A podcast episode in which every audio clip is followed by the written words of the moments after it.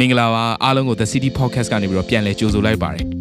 ဒီနေ့ Sermon Series မှာတော့ဆရာစောတီဟာဖြစ်ပါတယ်ခင်ဗျာစိတ်နှလုံးတကားကိုဖွင့်ထားရင်သင်ရဲ့အသက်တာကိုကောင်းကြီးမင်္ဂလာဖြစ်စေမယ့်ဖရာသခင်ရဲ့နှုတ်ကပတ်တော်ကိုအတူတူဝခံယူကြရအောင်ခင်ဗျာ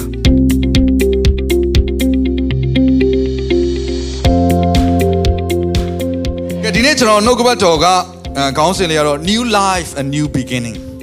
အသစ်သောတက်တာအသစ်သောအရာတွေအစပြုခြင်းဆိုတဲ့ခေါင်းစဉ်နဲ့နှုတ်ကပတ်တော်ဝင်ငှခြင်းဆိုတော့ကျွန်တော်အရင်ဆုံးဒီနှုတ်ကပတ်တော်လေးကိုမသွားခင်မှာသူ့ရဲ့ background လေးပေါ့နော်ကိုပို့ပြီးတော့ the whole picture နေတဲ့မြင်မို့ရင်ဘာကြောင့်လဲဆိုတော့နှုတ်ကပတ်တော်လေ့လာတာဖြစ်တဲ့ကြောင့်မလို့ဆိုတော့ကျွန်တော်တို့နှုတ်ကပတ်ကျမ်းစာကိုကြည့်လိုက်တဲ့အခါမှာအထူးသဖြင့်ဓမ္မဟောင်းမှာဓမ္မဟောင်းမှာအင်္ဂလိပ်လိုဆိုရင် the ark လို့ခေါ်တယ်နော် the ark လို့ခေါ်တဲ့အာအရာနှစ်ခုကိုတွေ့ရတယ်ပထမတစ်ခုကဘာလဲဆိုတော့နော်အေးစောက်ခဲ့တဲ့သင်္ဘောကိုလည်း ark လို့ပဲခေါ်တယ်ဆိုတော့အဲ့ဒါကတော့ကြီးမားတဲ့နော် the ark big ark ပေါ့ဒီလိုအင်္ဂလိပ်လိုဆိုရင်တော့သူက ark ark ဆိုအတူတူပဲဒါပေမဲ့မြန်မာလိုကြတော့နောက်ထပ်အသေးတစ်ခုကိုဘယ်လိုခေါ်လဲဆိုတော့ brain ညင်တက်တာလို့ခေါ်တယ်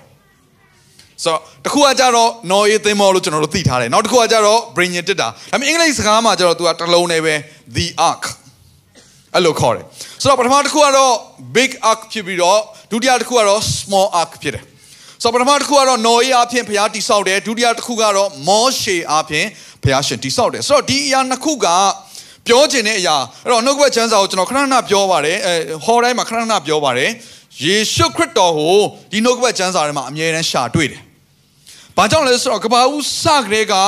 ခရစ်တော်နဲ့ဆိုင်သောအရာသင်နဲ့ကျွန်တော်ကျွန်တော်တို့ကိုကယ်နှုတ်မဲ့ကယ်တင်ခြင်းဆိုတဲ့အရာကိုနှုတ်ကပတ်ကျမ်းစာမှာကဘာဦးကျမ်းကလေးကဘုရားသခင်စပြီးပြောလာတယ်။ အေဒင်ဥယျာဉ်မှာကလေးကစပြီးပြောလာတယ်။အဲ့ဒါနဲ့အေဝါကကြဆင်းသွားတဲ့အခါမှာသူတို့ကိုနော်အဝတ်နဲ့ပြန်ပြီးတော့ခြုံစေတယ်အဲ့အဝတ်ကတော့နော်ချားမဟုတ်တိတ်ရွက်မဟုတ်ဘူးဒါကတော့နော်တတော်ဝါတကောင်ရဲ့သိုးတငယ်ရဲ့နော်ပြောရမယ်ဆိုသိုးတငယ်ကိုတတ်ပြီးတော့အသွေးသွန်းလောင်းပြီးတော့မှသူ့ရဲ့အရေခွန်ကိုခြုံလိုက်တဲ့အခါမှာသူတို့ရဲ့အရှက်တွေကလုံခြုံသွားတယ်လွတ်မြောက်သွားတယ်ပေါ့ပြောရမယ်ဆိုရင်ကွဲကာသွားတယ်ဘာကိုဆိုလိုချင်တာလဲဆိုရင်ကဲတင်ခြင်းကိုပြောချင်တာဖြောင့်မတ်ခြင်းဝတ်လုံကိုပြောချင်တာ ကျွန်တော်တို့ဟာညဉ့်ညူးသောသူတွေဖြစ်တာခရစ်တော်အားဖြင့်ဖြောင့်မတ်ခြင်းဝတ်လုံကိုကျွန်တော်တို့ကိုခြုံစေပြီးဆိုတဲ့အရာလေးကိုကျွန်တော်တို့နားလည်ရတာဖြစ်တယ်ဘယ်ကလေးကစရလဲဘုရားရှင်ကဲတင်ခြင်းခရစ်တော်အားဖြင့်ပြုမဲ့ကဲတင်ခြင်းကဘယ်ကစကလဲဆိုရင်ကဘာဦးတွေကစတယ်ဆိုတော့ကျမ်းစာထဲမှာဖြစ်တဲ့အဖြစ်အပျက်တွေအားလုံးမှာခရစ်တော်ခရစ်တော်ခရစ်တော်ဆိုတာရှိတယ်အဲ့တော့ဆောစောကပြောတဲ့နော်အေးအားဖြင့်ဘုရားရှင်တည်ဆောက်တဲ့ big ark ဒီနော်အေးသင်္ဘောဟာဘာကိုပြောလဲဆိုရင်ခရစ်တော်ကြီးကယ်တင်ခြင်းကိုပြောတယ်ပြောမယ်ဆိုရင်ဒီနော်အေးသင်္ဘောဒီခရစ်တော်ကိုပြောနေတာလည်းဖြစ်တယ်ဆိုတော့အဲ့တော့ ဒီຢာကဘာကိုပြောလဲဆိုရင်အဲ့ဒီနော်အေးမိသားစုကိုဘုရားရှင်ကဒီသင်္ဘောအဖြစ်ကယ်နှုတ်တဲ့ခါမှာသူတို့အားလုံးကဘယ်ထဲကိုသွားရလဲဆိုရင်အဲ့သင်္ဘောတွေကိုဝင်သွားရတယ်အဲ့တော့အဲ့ဒီအဲ့ဒီအကြောင်းအရာဒီဘာကိုပြောနေလဲဆိုတော့ကျွန်တော်တို့ဒီခရစ်တော်ထဲ၌ရှိသောအသက်တာကိုပြောနေတာဖြစ်တယ်ကျွန်တော်တို့ကအထဲကိုဝင်သွားတာခရစ်တော်ရဲ့အထဲကိုခရစ်တော်ရဲ့မားစာခြင်းနဲ့ကိုခရစ်တော်ရဲ့ကယ်တင်ခြင်းနဲ့ကိုခရစ်တော်ရဲ့ကွယ်ကာကွယ်ကာခြင်းနဲ့ကိုဝင်သွားတဲ့အရာကိုပြောနေတဲ့เนาะအင်္ဂလိပ်လိုဆိုရင် we in Christ ပေါ့เนาะ you in Christ ပေါ့ခရစ်တော်ထဲမှာရှိတဲ့အသက်တာကိုပြောနေတယ်နောက်ထပ် small ark ကတော့ကျွန်တော်တို့အထဲ၌ရှိသောခရစ်တော်ကျွန်တော်တို့အထဲ၌ကျင်းဝတ်သောမျက်မှောက်တော်ကျွန်တော်တို့နဲ့အတူစိုးစံသောယေရှုခရစ်တော်အကျွန်ုပ်ကိုအသက်ပေးသောယေရှုခရစ်တော်ဆိုတဲ့ကျွန်တော်တို့ရဲ့ဒီတယောက်ချင်းစီရဲ့အသက်တာထဲမှာကျင်းဝတ်သောခရစ်တော်ကိုပြောနေတာဖြစ်တယ် ဆိုတော့ဒါဓမ္မဟောင်းကျမ်းမှာကလေးကနော်ဘုရားရှင်က the ark လို့ပြောပြီးတော့နော်အေးကိုလောက်ခိုင်းကလေးကတခါမောရှေအဖြစ် the ark လို့ပြောတဲ့ brain ညတက်တာတော်ကိုလောက်ခိုင်းကလေးကသင်နဲ့ကျွန်တော်ကိုဘုရားရှင်ကမြင်နေပြီးသားဖြစ်တယ်အာမင်အာမင်တဲ့တဲ့တာထဲမှာချိန်ဝင်မဲ့မျက်မှောက်တော်ခရစ်တော်ကိုပေါ်ပြပြီးသားဖြစ်တယ်အဲ့လိုပဲသူ့ရဲ့အထဲကိုခေါ်သွင်းမဲ့ဒီနေ့နော်ယေသမောရဲ့အကြောင်းအရာအားဖြင့်နော်သူ့ရဲ့အထက်ကိုခေါ်သွင်းခြင်းဆိုတဲ့ကယ်တင်ခြင်းနဲ့ဆိုင်သောအရာ၊ကွယ်ကာခြင်းနဲ့ဆိုင်သောအရာကိုဖော်ပြခြင်းဖြစ်တယ်ဆိုတော့ဒီနေ့မှာတော့ ကျွန်တော်တို့ဒီနော်ယေသမောအားဖြင့်မြင်တွေ့ရတဲ့ဒီ new life နဲ့ new beginning အကြောင်းကိုကျွန်တော်တို့လေ့လာဖို့ဖြစ်တယ်ဆိုတော့ new life နဲ့ new beginning ကဘယ်ချိန်မှာဖြစ်လဲဆိုရင်ရက်40လုံးလုံးเนาะရေလွှမ်းမိုးခြင်းပြီးတဲ့နောက်ပိုင်းမှာအားလုံးရေတွေခန်းချောက်ပြီးသွားတဲ့ခါမှာဘဝအသစ်ဆိုတဲ့အရာကိုဘုရားသခင်ကနော်ယေနဲ့မိသားစုကိုစစေတယ်။ brain ရင်အသစ်ပြုတဲ့တက်တန်အားဖြင့်ဒီထိရလား အဲ့တော့သူတို့ဒီသင်္ဘောတွေကထွက်ပြီးသွားတဲ့ခါမှာပထမဦးဆုံးလှုပ်ရတဲ့အလုပ်ဒီသူတို့ရဲ့ဘဝအသစ်ကိုအစကနေအသစ်တစ်ဖန်ပြန်ဆရတာ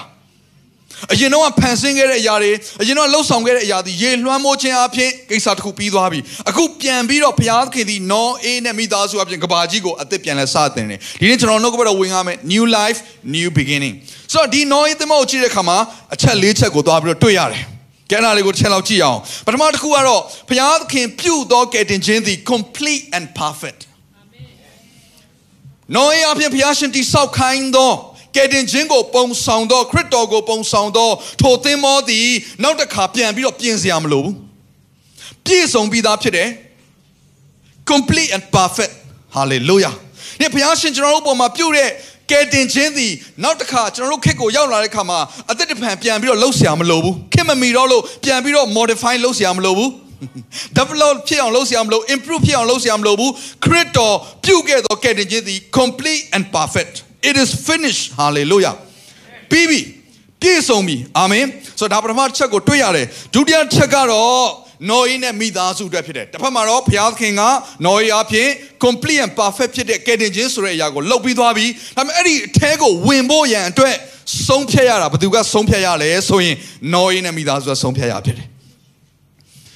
သူတို့ဒီနေ့ပေါင်းများစွာစောက်ခဲ့တယ်ဒါပေမဲ့အချိန်တစ်ခုကိုရောက်လာတယ် moment တစ်ခုကိုရောက်လာတယ်ဆိုတော့ကျွန်တော် moment အကြောင်းလေးကိုပြောတယ်ဒီအသင်းတော်အတွက် moment လေးလာတော့မယ် အာမင်အဲ့လိုပဲဒီနော်အေးနဲ့မိသားစုဟာနှစ်ပေါင်းများစွာသူတို့နှစ်90နဲ့85နှစ်လောက်ထိကြာအောင်ဒီသင်္ဘောကြီးကိုဆောက်ပြီးသွားတဲ့ခါမှာအဲ့ဒီရက်အဲ့ဒီအချိန်ကိုရောက်လာတယ်အဲ့ဒီရက်အဲ့ဒီအချိန်မှာသူတို့ဒီဘလောက်ပဲ85နှစ်လုံးလုံးဆောက်ခဲ့ဆောက်ခဲ့အဲ့ဒီရက်အဲ့ဒီအချိန်မှာသင်္ဘောတွေကိုမဝင်ဘူးဆိုရင်သူတို့ဒီတရားစီရင်ခံရမယ်ဆိုတော့သူတို့ဘာလုပ်ရလဲဖျားရှင်ပြုတ်ထားတဲ့ကယ်တင်ခြင်းကိုလက်ခံပြီးတော့ကျွန်တော်ဝင်ပါမယ်ဆိုတော့ကျွန်တော်တို့မိသားစုဝင်ပါမယ်လက်ခံပါမယ်ဆိုတော့သူတို့ရဲ့ကိုယ်ပိုင်ဆုံးဖြတ်ချက် moment လေးကိုကြော်ဖြတ်ရတယ် personal decision ဘယ်သူမှလာပြီးကူညီလို့မရတဲ့မိမိဆုံးဖြတ်ချက်နဲ့ဒီနေ့ကယ်တင်ခြင်းကိုဝင်စားရတယ်အာမင်ကျွန်တော်တို့ရဲ့အသက်တာမှာလည်းကျွန်တော်အဖေမေကကျွန်တော်ကိုလာပြီးဆုံးဖြတ်ပေးလို့မရဘူးကျွန်တော်တင်ဟုတ်ဆရာကကျွန်တော်ကယ်တင်ခြင်းကိုလာဆုံးဖြတ်ပေးလို့မရဘူးခရစ်တော်ကကျွန်တော်ကိုဖိတ်ခေါ်နေတဲ့အချိန်မှာကျွန်တော်ဒီဝင်မလားဒါကိုမိမိကိုယ်တိုင်ဆုံးဖြတ်ရတဲ့အဲ့ဒီ moment လေးရှိပါတယ်ဒီမှာရှိသောသူတယောက်စီတိုင်းဘုရားသခင်သင်တို့ကိုချစ်တယ်ကယ်တင်ခြင်းဆိုတဲ့ຢာစီလွန်ခဲ့တဲ့နှစ်ပေါင်း2000ခရပြုခဲ့တယ်ဒါပေမဲ့ moment ဆိုအချိန်လေးတစ်ခုအဲ့ဒါပါလေသင်ကိုယ်တိုင်ကခရစ်တော်ကိုမိမိရဲ့ကယ်တင်ပိုင်ရှင်နဲ့အရှင်ခင်ဖြစ်ယုံကြည်လက်ခံမလားဆိုတဲ့အရာကိုဆုံးဖြတ်ရတဲ့အချိန်ဖြစ်တယ်တတိယချက်ကတော့ဘာလဲဆိုရင် ongoing salvation in the ark အဲ့တော့ကယ်တင်ခြင်းဆိုတဲ့အရာကိုပြုတ်ထားပြီးသွားတဲ့ခါမှာသူတို့ဝင်လိုက်တဲ့ခါမှာအဲ့ဒီကယ်တင်ခြင်းအမှုကိုသူတို့ကအမြဲတမ်းခံစားနေရတယ်ကြည့်နော်ဘာကြောင့်လဲခရစ်တော်ထဲမှာရောက်သွားလို့ဘာကြောင့်လဲသင်္ဘောထဲမှာရောက်သွားလို့ဆိုတော့ကယ်တင်ခြင်းဆိုတာကငါမင်းတို့ကိုကယ်ခဲ့တယ်အ တိတ်မှာကြံခဲ့တဲ့အရာတခုမဟုတ်ဘဲနဲ့အဲ့ကယ်တင်ခြင်းကိုခံစားနေရတယ်အာမင်ဆိုတော့ဆက်ပြီးတော့သွားတယ်ဆိုတော့ဒီ၃ခုပထမ၃ခုကိုကျွန်တော်ခဏနေရင်အင်္ဂလိပ်စာသင်တဲ့ဟာနဲ့နည်းနည်းလေးရှင်းပြမယ်ပထမ၃ခုမှတ်ထားမယ်နော်ဒီဥစ္စာပြန်ပြတော့မှာမဟုတ်ဘူးပထမ၃ခုမှတ်မိလား အဲမှတ်မိတယ်ကဲနောက်ဆုံးတစ်ခုကတော့အဲ့ဒါအားလုံးပြီးသွားပြီးတဲ့ခါမှာနောက်ဆုံးရေတွေခမ်းသွားပြီးတဲ့ခါမှာသင်္ဘောကနေထွက်တဲ့ခါမှာသူတို့ရဲ့မိသားစုကဘာစလဲဆိုတော့ new life new beginning ဆိုတဲ့အသစ်တော်ရာကိုအစာပြုရတာဖြစ်တယ်ဆိုတော့ကဲရပြီအဲ့တော့ဒီအာဒီသင်္ဘောပထမ၃ချက်ဖြစ်တဲ့အရာကိုကျွန်တော်တို့နော်အင်္ဂလိပ်လိုဆိုတော့ three phases of the ark ပေါ့နော်ဒီသင်္ဘောရဲ့ကနေပေါ်ပြတဲ့အချက်၃ချက်အနေနဲ့ကျွန်တော်အနေနဲ့ ဒီအလေးကိုပြောချင်တယ်အဲ့တော့အင်္ဂလိပ်စာအနေနဲ့ပေါ့နော် three tense of salvation ဆိုတဲ့ tense လေးအကြောင်းကိုနည်းနည်းလေးအင်္ဂလိပ် grammar လေးနည်းနည်းလေးကြည့်အောင်ကဲပထမတစ်ခုကျမ်းစာတွေကိုဖတ်လိုက်တဲ့အခါမှာ salvation ကိုကယ်တင်ခြင်းကိုဘာနဲ့တွေ့ရလဲဆိုတော့ perfect tense perfect tense နဲ့တွေ့ရတယ်ကဲနောက်တစ်ခုဘာနဲ့တွေ့ရလဲဆို salvation မဲ့ကယ်တင်ခြင်းကိုဘာနဲ့တွေ့ရလဲဆိုရင် simple past tense ဟာ ဆယ်တန်းပြန်မဖြေခိုင်းဘူးနော်ဘလုံးကမကြောက်နဲ့အကုန်အောင်မယ်ဒီစာမေးပွဲကနော်အားလုံးကဒီတန့်စင်မြင်တာနဲ့ကိုနော်ကြပြားတွေပေါ်လာပြီပါဇက်ထဲမှာကျူရှင်ကသင်ခဲ့တဲ့ကြပြားတွေနော်တခါတည်းမျက်နှာတွေကနည်းနည်းကြောက်တဲ့ပုံတွေပေါ်လာပြီနော်ဘယ်နှယောက်ကဆယ်တန်းဆောင်ဝဲကြဘူးလဲတော့မသိဘူးကဲနောက်ထပ် tense ကတော့ဘာဆို continuous present tense ကဲဆိုတော့ဒီဒီ tense တွေ၃ခုဟာပထမဆော့ဆော့ကပြောခဲ့တဲ့အချက်၄ချက်ပထမ၃ခုနဲ့သွားပြီးတော့ဓာတ်ရိုက်ပတ်သက်နေတယ်ဆိုတော့ effect ခန်းကြီး2 အငယ်၈ကိုဖတ်လိုက်တဲ့အခါမှာယုံကြည်သောအဖြစ်ဂျေဇူးတော်ကြောင့်ကယ်တင်ခြင်းသို့ရောက်ရ၏ကိုလိုလျောက်ရောက်သည်မဟုတ်ဖျားသခင်တနာတော်မူရာဖြစ်သည်မြန်မာချမ်းစာကိုဖတ်တဲ့အခါမှာတန့်စေကိုမတွေ့ရပါဘူးဒါကြောင့်မို့ကျွန်တော်တို့အင်္ဂလိပ်ချမ်းစာနဲ့တွဲပြီးတော့ဖတ်ချင်တယ် for by grace you have been saved through faith and that not of yourself it is the gift of God ဆိုတော့ဒီချမ်းသာလေးကိုကြည့်ရတဲ့အခါမှာနော် ကျွန်တော်တို့မြန်မာလိုတွေ့ရတဲ့အခါမှာဂျေဇုတော်ကြောင့်ကယ်တင်ခြင်းတို့ရောက်ရ၏ဆိုတဲ့ကယ်တင်ခြင်းတို့ရောက်တဲ့အကြောင်းကိုမြန်မာလိုမရှင်းပေမဲ့အင်္ဂလိပ်လိုမှာတော့ဘယ်လိုရေးလဲဆိုရင် have been saved ဆိုတာအဲ့ဒါဘာလဲဆိုရင် perfect tense ဖြစ်တယ် perfect tense ဆိုတာဘာကိုပြောတာလဲဟိုးအရင်ကတည်းကပြုတ်ခဲ့တဲ့ຢာဒီယခုချိန်ထိဖြစ်နေတော့အဲ့ဒီအတိုင်းပဲအဲ့ဒီ quality အတိုင်းပဲနည်းနည်းလေးမှယော့မသွားဘူးဘာမှပြန်ပြင်စရာမလိုဘူးအရင်တော့အဲ့ဒါဖြစ်ခဲ့တယ်အရင်တော့ ယေရှုခရစ်တော်ဒီကယ်တင်ခြင်းမှုကိုပြုခဲ့တယ်လွန်ခဲ့တဲ့နှစ်ထောင်ပေါ်ကလဝါကားတွေမှာကယ်တင်ခြင်းမှုကိုပြုခဲ့တယ်အဲ့ဒီကယ်တင်ခြင်းတည်နည်းနည်းလေးမှယော့မသွားဘူးနှစ်ထောင်ကြာပြီးသွားတဲ့အခါမှာအာမင်အဲ့ခရစ်တော်ပြုခဲ့တဲ့အဲ့ဒီကယ်တင်ခြင်းနဲ့ဆိုင်တဲ့တကောအဲ့ကယ်တင်ခြင်းနဲ့ဆိုင်တဲ့ရွေးနှုတ်ခြင်းအဲ့ဒီအရာသာအဲ့ဒီတန်ဖိုးတည်ဘသူမှထပ်ပြီးထဲ့စရာပြင်စရာမလိုတော့အောင်ပြည့်ပြည့်စုံတဲ့ complete and perfect ဒါကိုပြောတာ perfect tense က you have been safe နော်ဆိုတော့ဒီနှုတ်ကပတ်ချမ်းစာအဖြစ်ကျွန်တော်တို့ တွေ့ရတယ်ကဲဆိုတော့ယေရှုအတိတ်ပဲပါလဲဆိုတော့နော်ဒီဂုခေတ်လူတွေအတွက်ယေရှုခရစ်တော်ကနောက်တစ်ချိန်ပြန်ပြီးတော့လာပြီးတော့အသေးခံဖို့မလိုဘူးလို့ပြောချင်တာတစ်ချိန်တစ်ခါအသေးခံုံနဲ့ပြီးတယ် once and for all ဒါကိုပြောနေတာ complete and perfect ကဲဒုတိယ tense က simple past လို့ခေါ်တယ် simple past tense ဆိုအတိတ်ပဲက simple past ဆိုတော့ရိုးရိုးလေးအားလုံးသိပါတယ်အတိတ်တုန်းကဖြစ်ခဲ့ပြီးပြီအတိတ်တုန်းကဖြစ်ခဲ့တဲ့ကိစ္စဖြစ်တယ်ဒါဆိုခရစ်တော်ဒီကျွန်တော်တို့ကိုဘယ်ကလေးကကယ်ခဲ့တာလဲသ င်နဲ့ကျွန်တော်ကိုဘယ်ကလေးကကယ်ခဲ့တာလဲသင်ရဲ့လူအဟောင်းဆိုတဲ့အပြစ်သားကိုဘယ်ကလေးကတတ်ခဲ့တာလဲဘယ်ကလေးကတကြိုခဲ့တာလဲဘယ်ကလေးကသင်အတွက်ဘုရားရှင်ပြင်ဆင်ထားတဲ့အသက်သည်ဘယ်ကလေးကရှိခဲ့တာလဲဆိုရင်ခရစ်တော်လက်ဝါးကားပေါ်မှာအသေးခံခဲ့တဲ့လွန်ခဲ့သောနှစ်ပေါင်း2000ကလေးကပြုခဲ့ပူသောအမှုမှရှိတယ်အာမင်အာမင်ကဲမြန်မာလိုဆိုရင်တော့တိတုခန်းကြီး3အငယ်9မှာတွေ့ရတယ်ငါတို့ကျင့်သောဖြောင့်မတ်ခြင်းအကျင့်အဖြစ်မဟုတ်ပဲ မိမိတနာခြင်းခရုဏာတော်နှင့်အညီဒုတိယမွေးခြင်းနှင့်ဆိုင်သောစေကြောခြင်းအဖြစ်၎င်းတန်ရှင်သောဝိညာဉ်တော်၏အသက်ပြုပြင်ခြင်းအဖြစ်၎င်းငါတို့ကိုကယ်တင်တော်မူ၏အဲ့ငါတို့ကိုကယ်တင်တော်မူ၏ဆိုတာကျမ်းစာမှာမြန်မာကျမ်းစာမှာဒီတိုင်းပဲလေဒါပေမဲ့အင်္ဂလိပ်လိုဘယ်လိုရေးလဲဆိုရင် not by works of righteousness which we have done but according to his mercy he saved us through the washing of regeneration and renewing of the Holy Ghost, Holy Spirit. ဆိုတော့ဒီဒီဒီကျမ်းဒီအင်္ဂလိပ်ကိုဒီကျမ်းစာကိုကြည့်မယ်ဆိုရင် according to his mercy he saved us ငါတို့ကိုသူကယ်ခဲ့တယ်ဘယ်ကလေးကကယ်ခဲ့တာလဲလက်ဝါးကားနေပေါ်မှာကလေးကအာမင်သုံးရက်မြောက်သောနေ့မှာပြန်ရှင်ကလေးကထုတ်ခရစ်တော်ကဒီနေ့ထာဝရအသက်ဆွေအရာကိုအားလုံးတွေယူလာပြီးသားဖြစ်တယ်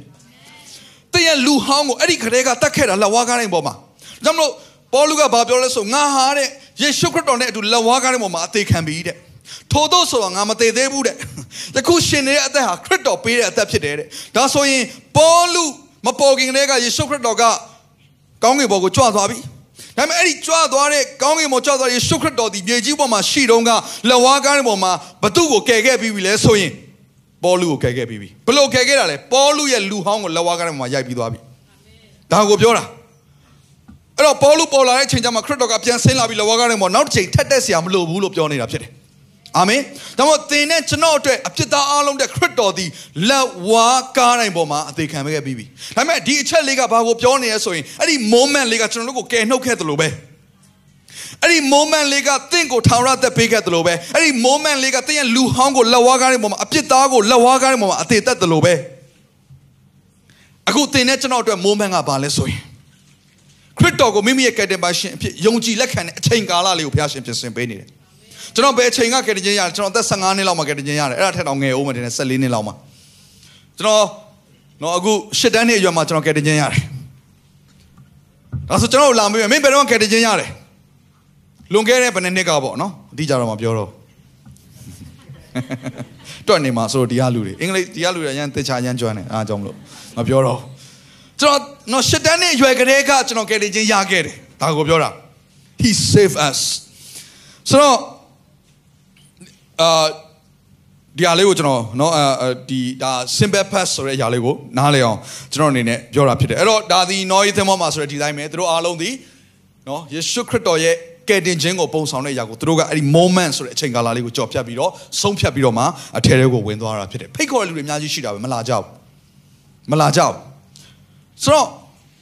အခုလည်းဒီတိုင်းပဲယေရှုခရစ်တော်ရဲ့ကယ်တင်ခြင်းသတင်းစကားကိုလူတိုင်းကြားကြတယ်ဒါပေမဲ့လူတိုင်းကယ်တင်ခြင်းမရဘူးလူတိုင်းအတွက်ဖြစ်တယ်လူတိုင်းကယ်တင်ခြင်းမရဘူးဘာကြောင့်လဲလက်ခံတော်သူကပဲကယ်တင်ခြင်းရတယ်ဒါကိုပြောတာအာမင် moment ဆိုတော့ကျွန်တော်တို့နောက်ထပ်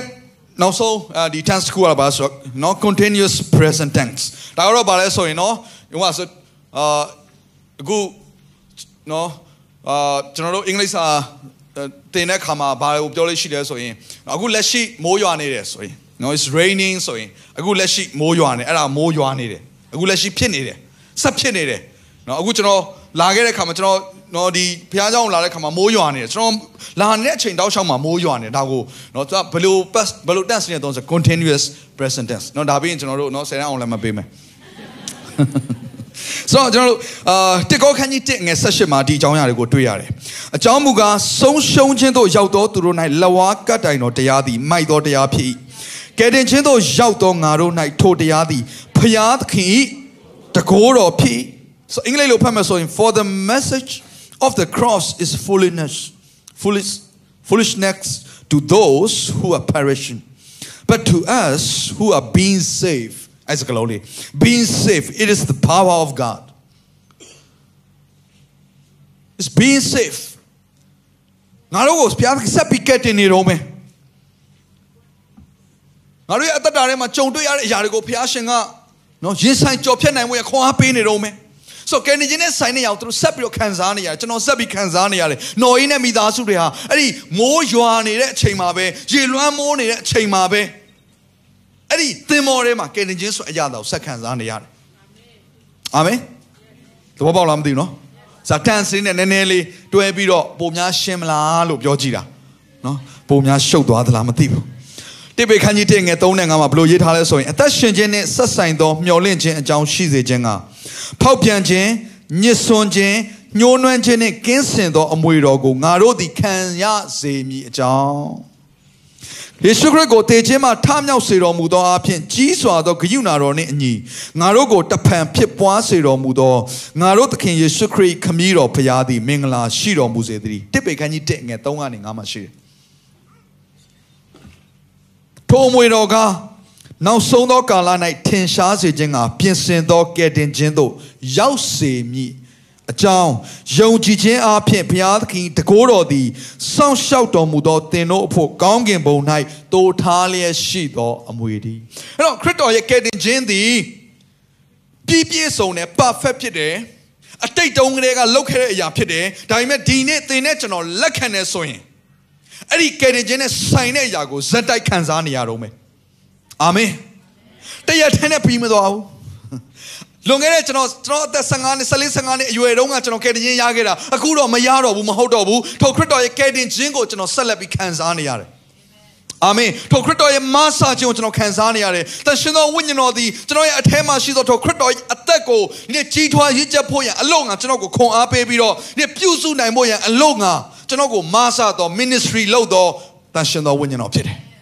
အာမင်ကြည့်ဝိညာဉ်တော်ရဲ့မဆာခြင်းကိုကျွန်တော်ခံစားရတယ်ဖခင်ရဲ့တကိုးတော်ကိုခံစားရတယ်ဖခင်ရဲ့ဂယုဏတော်ကိုခံစားရတယ်ဒါကြောင့်ဆာလံစရာဘာပြောလဲယေရှုတော်နဲ့ဂယုဏတော်ကိုတစ်သက်လုံးခံစားရတယ်အာမင်ဟာလေလုယာဟိုမနေ့မိုးလင်းလာတဲ့ခါမှာဟိုယေရှုတော်နဲ့ဂယုဏတော်ဒါကိုချီးမွမ်းရတွေ့ရတယ်။ဘာကြောင့်လဲ။ထိုခရစ်တော်ရဲ့ကယ်တင်ခြင်းဟာကျွန်တော်သူ့ကိုလက်ခံလိုက်တဲ့အချိန်လေးမှာပဲရပ်သွားတာမဟုတ်ဘဲနဲ့ထိုကယ်တင်ခြင်းအပြင်ရသောအရာတွေဟာဇက်တိုက်ဇက်တိုက်ဇက်တိုက်တိုးပွားခြင်းနဲ့ခံစားနေရတာဖြစ်တယ်။ အာမင်။ကျမ်းစာမှာဘယ်လောက်ထိပြောလဲ။ကောင်းကင်ဘုံ၌တိုးထားလဲရှိသောအမွေဟာလေလုယာအဲ့ဒါကိုယာတိတိုင်အောင်ဒီဘုရားရှင်ပေါ်ထွန်းခြင်းနေ့ရက်တိတိုင်အောင်ဘုရားသခင်ကျွန်တော်တို့ကိုထိုဝိညာဉ်တော်အားဖြင့်မဆာ၍ကယ်တင်ခြင်းအမှုကိုဒီနေ့ကယ်တင်ခြင်းနဲ့ဆိုင်သောအရာတွေကိုကျွန်တော်တို့ကိုခံစားစေမယ်ဆိုတော့အဲ့ဒီเนาะကျွန်တော်တို့ဒီ continuous tense နဲ့ကျမ်းစာထဲမှာပြောထားတယ်မြန်မာလိုဖတ်ရင်တော့ဒီတိုင်းပဲဒါပေမဲ့အဲ့ဒါကိုပို့ပြီးတော့เนาะ emphasize ပို့ပြီးတော့ဖြစ်အောင်လို့ဒီနေ့တစ်ပေခန်းကြီးတစ်ငယ်3နဲ့5နဲ့ကျွန်တော်ပြောတာဖြစ်တယ် ဆိုတော့အရင်ကျွန်တော်ရဲ့အသက်တာမှာဒီဘုရားရှင်ကယ်တင်ခြင်းဆိုတဲ့အရာကိုဒီမှာရှိတဲ့လူတွေစိတ်ချလက်ချနဲ့သဘောပေါက်ပြီးတော့နှုတ်ကပတ်တော်ရတော့လကောင်းသဘောပေါက်ပြီးတော့ဒီနေ့ကျမ်းစာထဲမှာဖော်ပြထားတဲ့နော်ရေးသင်္ဘောကိုနော်ကျွန်တော်သတိရတိုင်းမှာအမှတ်ရတိုင်းမှာအော်ဘုရားရှင်ပြုတ်ခဲ့တဲ့ငါအတွက်ကယ်တင်ခြင်းဟာအတိတ်တုန်းကဒါပေမဲ့ complete and perfect ဒါအဲ့ဒီအရာငါကို လက်ကမ်းကြုံနေတယ်ငါ့ကိုဖိတ်ခေါ်နေတယ်ခရစ်တော်ကသူ့စီကိုလာဖို့ရန်သူ့ရဲ့ကဲ့တင်ခြင်းတွေကိုလာဖို့ရန်သူ့ရဲ့အလင်းတွေကိုလာဖို့ရန်သူ့ရဲ့နိုင်ငံတော်တွေကိုတိုးဝင်လာဖို့ရန်ငါ့ကိုဖိတ်ခေါ်နေတယ်ဆိုတော့ငါဆုံးဖြတ်ချပြီးတော့ထိုခရစ်တော်ရဲ့ကဲ့တင်ခြင်းထိုခရစ်တော်ရဲ့အထဲကိုငါသွားမယ်အလင်းရဲ့သားဖြစ်မှာဟာလေလုယာဖခင်ရှင်သားဖြစ်ခြင်းကိုငါဝန်ခံမယ်ဆိုတော့ moment လေးကိုဆုံးဖြတ်လိုက်တာနဲ့အဲ့ဒီသင်္ဘောထဲမှာသင်ပါသွားပြီဟာလေလုယာဆိုအဲ့တော့သင်္ဘောထဲမှာပါသွားပြီးတဲ့ရည်ရွယ်ချက်ကဘာလဲလို့ပြောရင်သင်္ဘောထဲမှာတစ်သက်လုံးနေခိုင်းတာလည်းမဟုတ်ဘူး သူတို့ကိုဘာလှုပ်ခိုင်းတာလဲဆိုရင်ကိုခြေောက်ပေါ်ကိုရက်ပြီးတော့ဘုရားရှင်ပြင်ဆင်သောကောင်းကြီးမင်္ဂလာကိုပြန်လဲပြီးတော့ governing အုပ်ချုပ်သောဘုရားရှင်နိုင်ငံတော်ကိုဖော်ပြသောအသက်ရှင်သောအသက်သောအသက်တာကိုသွားစေချင်တာဒါကိုသဘောပေါက်ဖို့လိုတယ်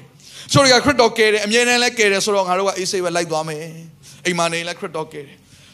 YouTube ကနေနားထောင်နေလဲခရစ်တော်ကယ်တယ်နိုင်ကလသွားရင်လဲခရစ်တော်ကယ်နေတယ်ဒူးစရိုက်လုံးရင်လဲခရစ်တော်ကယ်နေတယ် မူစေဝါတောင်းရင်လည်းခရစ်တော်ကယ်နေတယ်ဖခင်မကြိုက်တာအကုန်လုံးလည်းခရစ်တော်ကယ်နေအဲ့လိုမဟုတ်ဘူးဖခင်ရှင်အဲ့လိုကယ်တင်ခြင်းမဆာခြင်းရဲ့ရည်ရွယ်ချက်ဒီပါလဲဆိုရင် new life and new beginning ဒါကြောင့်မို့ကျွန်တော်ဒီရောက်ကောင်းစင်ပေးတာနောက်ဆုံးချက်အဲ့ဒီအတွက်ဖခင်ပြင်ဆင်တာကျင်းတော့ so အနနဲ့အေဝါက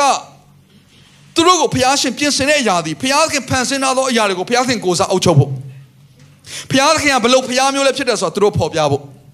ဒါကြောင့်ဖခင်မိသားစုကိုပေးတယ်ဒါလည်းကျွန်တော်ခဏခဏပြောတယ် အဲ့နဲ့အေဝါနှစ်ယောက်ညပြောဆောင်မွေးဖွားကြလို့မြေကြီးကိုပြည့်နိုင်ကြလို့ဆိုတော့ဘုရားသခင်ကမိသားစုကနေတဆင့်သူဘယ်သူလဲဆိုတော့ပေါ်ပြခြင်းတယ်။ကြောင့်ကလေးတွေမွေးလာတဲ့ခါမှာပထမဦးဆုံးမိခင်နဲ့ဖခင်စီကမြစ်တာကိုရတယ်ဆိုရင်ဒါဘုရားသခင်ကဒီလူသားတွေကြားထဲမှာသူပေးခြင်းနဲ့မြစ်တာကိုမိခင်နဲ့ဖခင်နဲ့ပထမဦးဆုံးပေါ်ပြလိုက်တာ။အမည်လေးပဲရှိသေးတယ်။မိခင်နဲ့တော့ကျွန်တော်အရန်ကြတဲ့ Sunday School ဆင်းတဲ့ပုတ်ရှိတယ်။အဖေကလည်းချစ်တယ်အမေကလည်းချစ်တယ်သူတို့နှစ်ယောက်ပေါင်းတာတဲ့ဘုရားရှင်ပို့ချစ်တယ်တဲ့။နော်ဘာလဲတော့မသိတော့ကျွန်တော်နားလဲအတိတ်ပဲကျွန်တော်ပြောပြတာ။ တချင်တော့နော်တချင်တန်စင်နေတဲ့စာသားတွေမမှတ်မိဘူးဒါပေမဲ့ဆိုလိုရင်အဲ့ဒါဖြစ်တယ်အဖေကလည်းချစ်တယ်အမေကလည်းချစ်တယ်ဒါပေမဲ့သူတို့နှစ်ယောက်ပေါင်းထက်ပိုချစ်တာဘုရားသခင်ဖြစ်တယ်ဆိုတော့ဘုရားသခင်က तू ဘသူလဲဆိုတဲ့အရာကိုဘယ်ကနေဖော်ပြလဲအာရနဲ့အေဝါဆိုတဲ့အဲ့ဒီမိသားစုကြီးကဖော်ပြနေတာအာရနဲ့အေဝါကြာဆင်းသွားတဲ့အတွက်ကြောင့်မလို့ဒီဘုရားသခင်ကနော်အသစ်တစ်ဖန်နော်နောက်တစ်ချိန်ပြန်လဲပြီးတော့မိသားစုပြန် restore လုပ်ဖို့ဘုရားပြင်ဆင်ရတယ်နော်ဒီຢာတော့ကျွန်တော်ပြီးခဲ့တဲ့တရားဟောချက်တွေမှာပြောထားပြီးသားဖြစ်ကြောင်းမလို့အကျယ်မချဲတော့ဘူးဆိုအခုနော်နော်အေးတော့မိသားစုဘာလုပ်ရလဲ နော်ကျွန်တော်နော်အေးကိုခဏခဏနော်အေးနော်အေးနဲ့ပြောပြီးတော့ကရင်နေအရန်ခွန်အားရတယ်ဟာငါတို့ကိုပြောနေတာငါတို့ကိုပြောနေတာနော်နော်အေးဆိုတော့ရနော်အေးနော်နော်အရှိကနော်ဖြစ်သွားတော့နော်နော်အေးဆိုတော့မိသားစုက ဒီသင်္ဘောကြီးတွေကနေပြီးတော့ဘုရားသခင်ဗြိဉ္ဉ်ပြုတ်တယ်ငါမင်းတို့ကိုနော်ကောင်းကြီးပေးမယ်ငါမင်းတို့ကိုကောင်းစားစေမယ်ငါမင်းတို့ကိုကြွယ်ဝစေမယ်ဆိုတော့ဘုရားသခင်ဗြိဉ္ဉ်ပြုတ်တဲ့ဘုရားဖြစ်တယ်ဆိုတော့ကျွန်တော်အားလုံးသဘောပေါက်ပြီးသားဖြစ်လိမ့်မယ်ဆိုတော့ဘုရားရှင်အသက်တော်အသက်တာကိုစပြီးတော့အသက်ရှင်စေတယ်အဲ့တော့ဒီနေ့ကျွန်တော်အသက်တော်အသက်တာနဲ့ပတ်သက်ပြီးတော့နော်နှုတ်ကပတ်တော်ဒီအသင်းတော်လောက်နှုတ်ကပတ်တော်ပြောတာနော်ဒီအသင်းတော်ပဲရှိတယ်အသက်တာမှာဘလို့အသက်ရှင်ရမှာဘုရားသခင်ကြောက်ရွံ့ခြင်းနဲ့ဘုရားသခင်ချစ်ခြင်းနဲ့ဘုရားငါတို့ဘလောက်ထိချစ်တာဟာဒူးဆိုင်လန်နေကနေလှည့်ပြန်ပြီးတော့ဒါမျိုးတွေအများကြီးပြောတယ်ဒါပေမဲ့ဒီနေ့ဒီထဲမှာ ပြီးခဲ့တဲ့ဘက်တွေကလည်းကျွန်တော်တို့ outer ကိုခေါ်တဲ့အခါမှာခရစ်တော်ကိုလက်ခံဖို့ rededication ဆိုပြီးလာကြတဲ့လူတွေရှိတယ် salvation လက်ခံကြတဲ့လူတွေရှိတယ်ဒီထဲမှာချို့သောသူတွေကယုံကြည်သူအသက်ဆက်ဆက်တွေဖြစ်နိုင်တယ်အချို့တွေကအသက်ဆက်ဆက်လို့ပြောတဲ့အခါမှာ9နှစ်ရှိပြီအခုထိအသက်ဆက်ဆက်ပဲအဲ့ဒီလူတွေလည်းပါတယ်အချို့ကတော့ပြီးခဲ့တဲ့ဘက်ကမှယုံကြည်လက်ခံသွားတာအဲ့ဒီလူတွေလည်းအတူတူပဲအသက်ဆက်ဆက်ပဲ so new life new beginning ကိုဘယ်လိုအစပြုရမလဲဆိုတာကိုဒီနေ့အချက်၄ချက်နဲ့ကျွန်တော်နှုတ်ကပတ်တော့ဆက်လက်ပြောဝင်ခါချင်တယ်အားလုံးစိတ်လို့ရှားပါသလား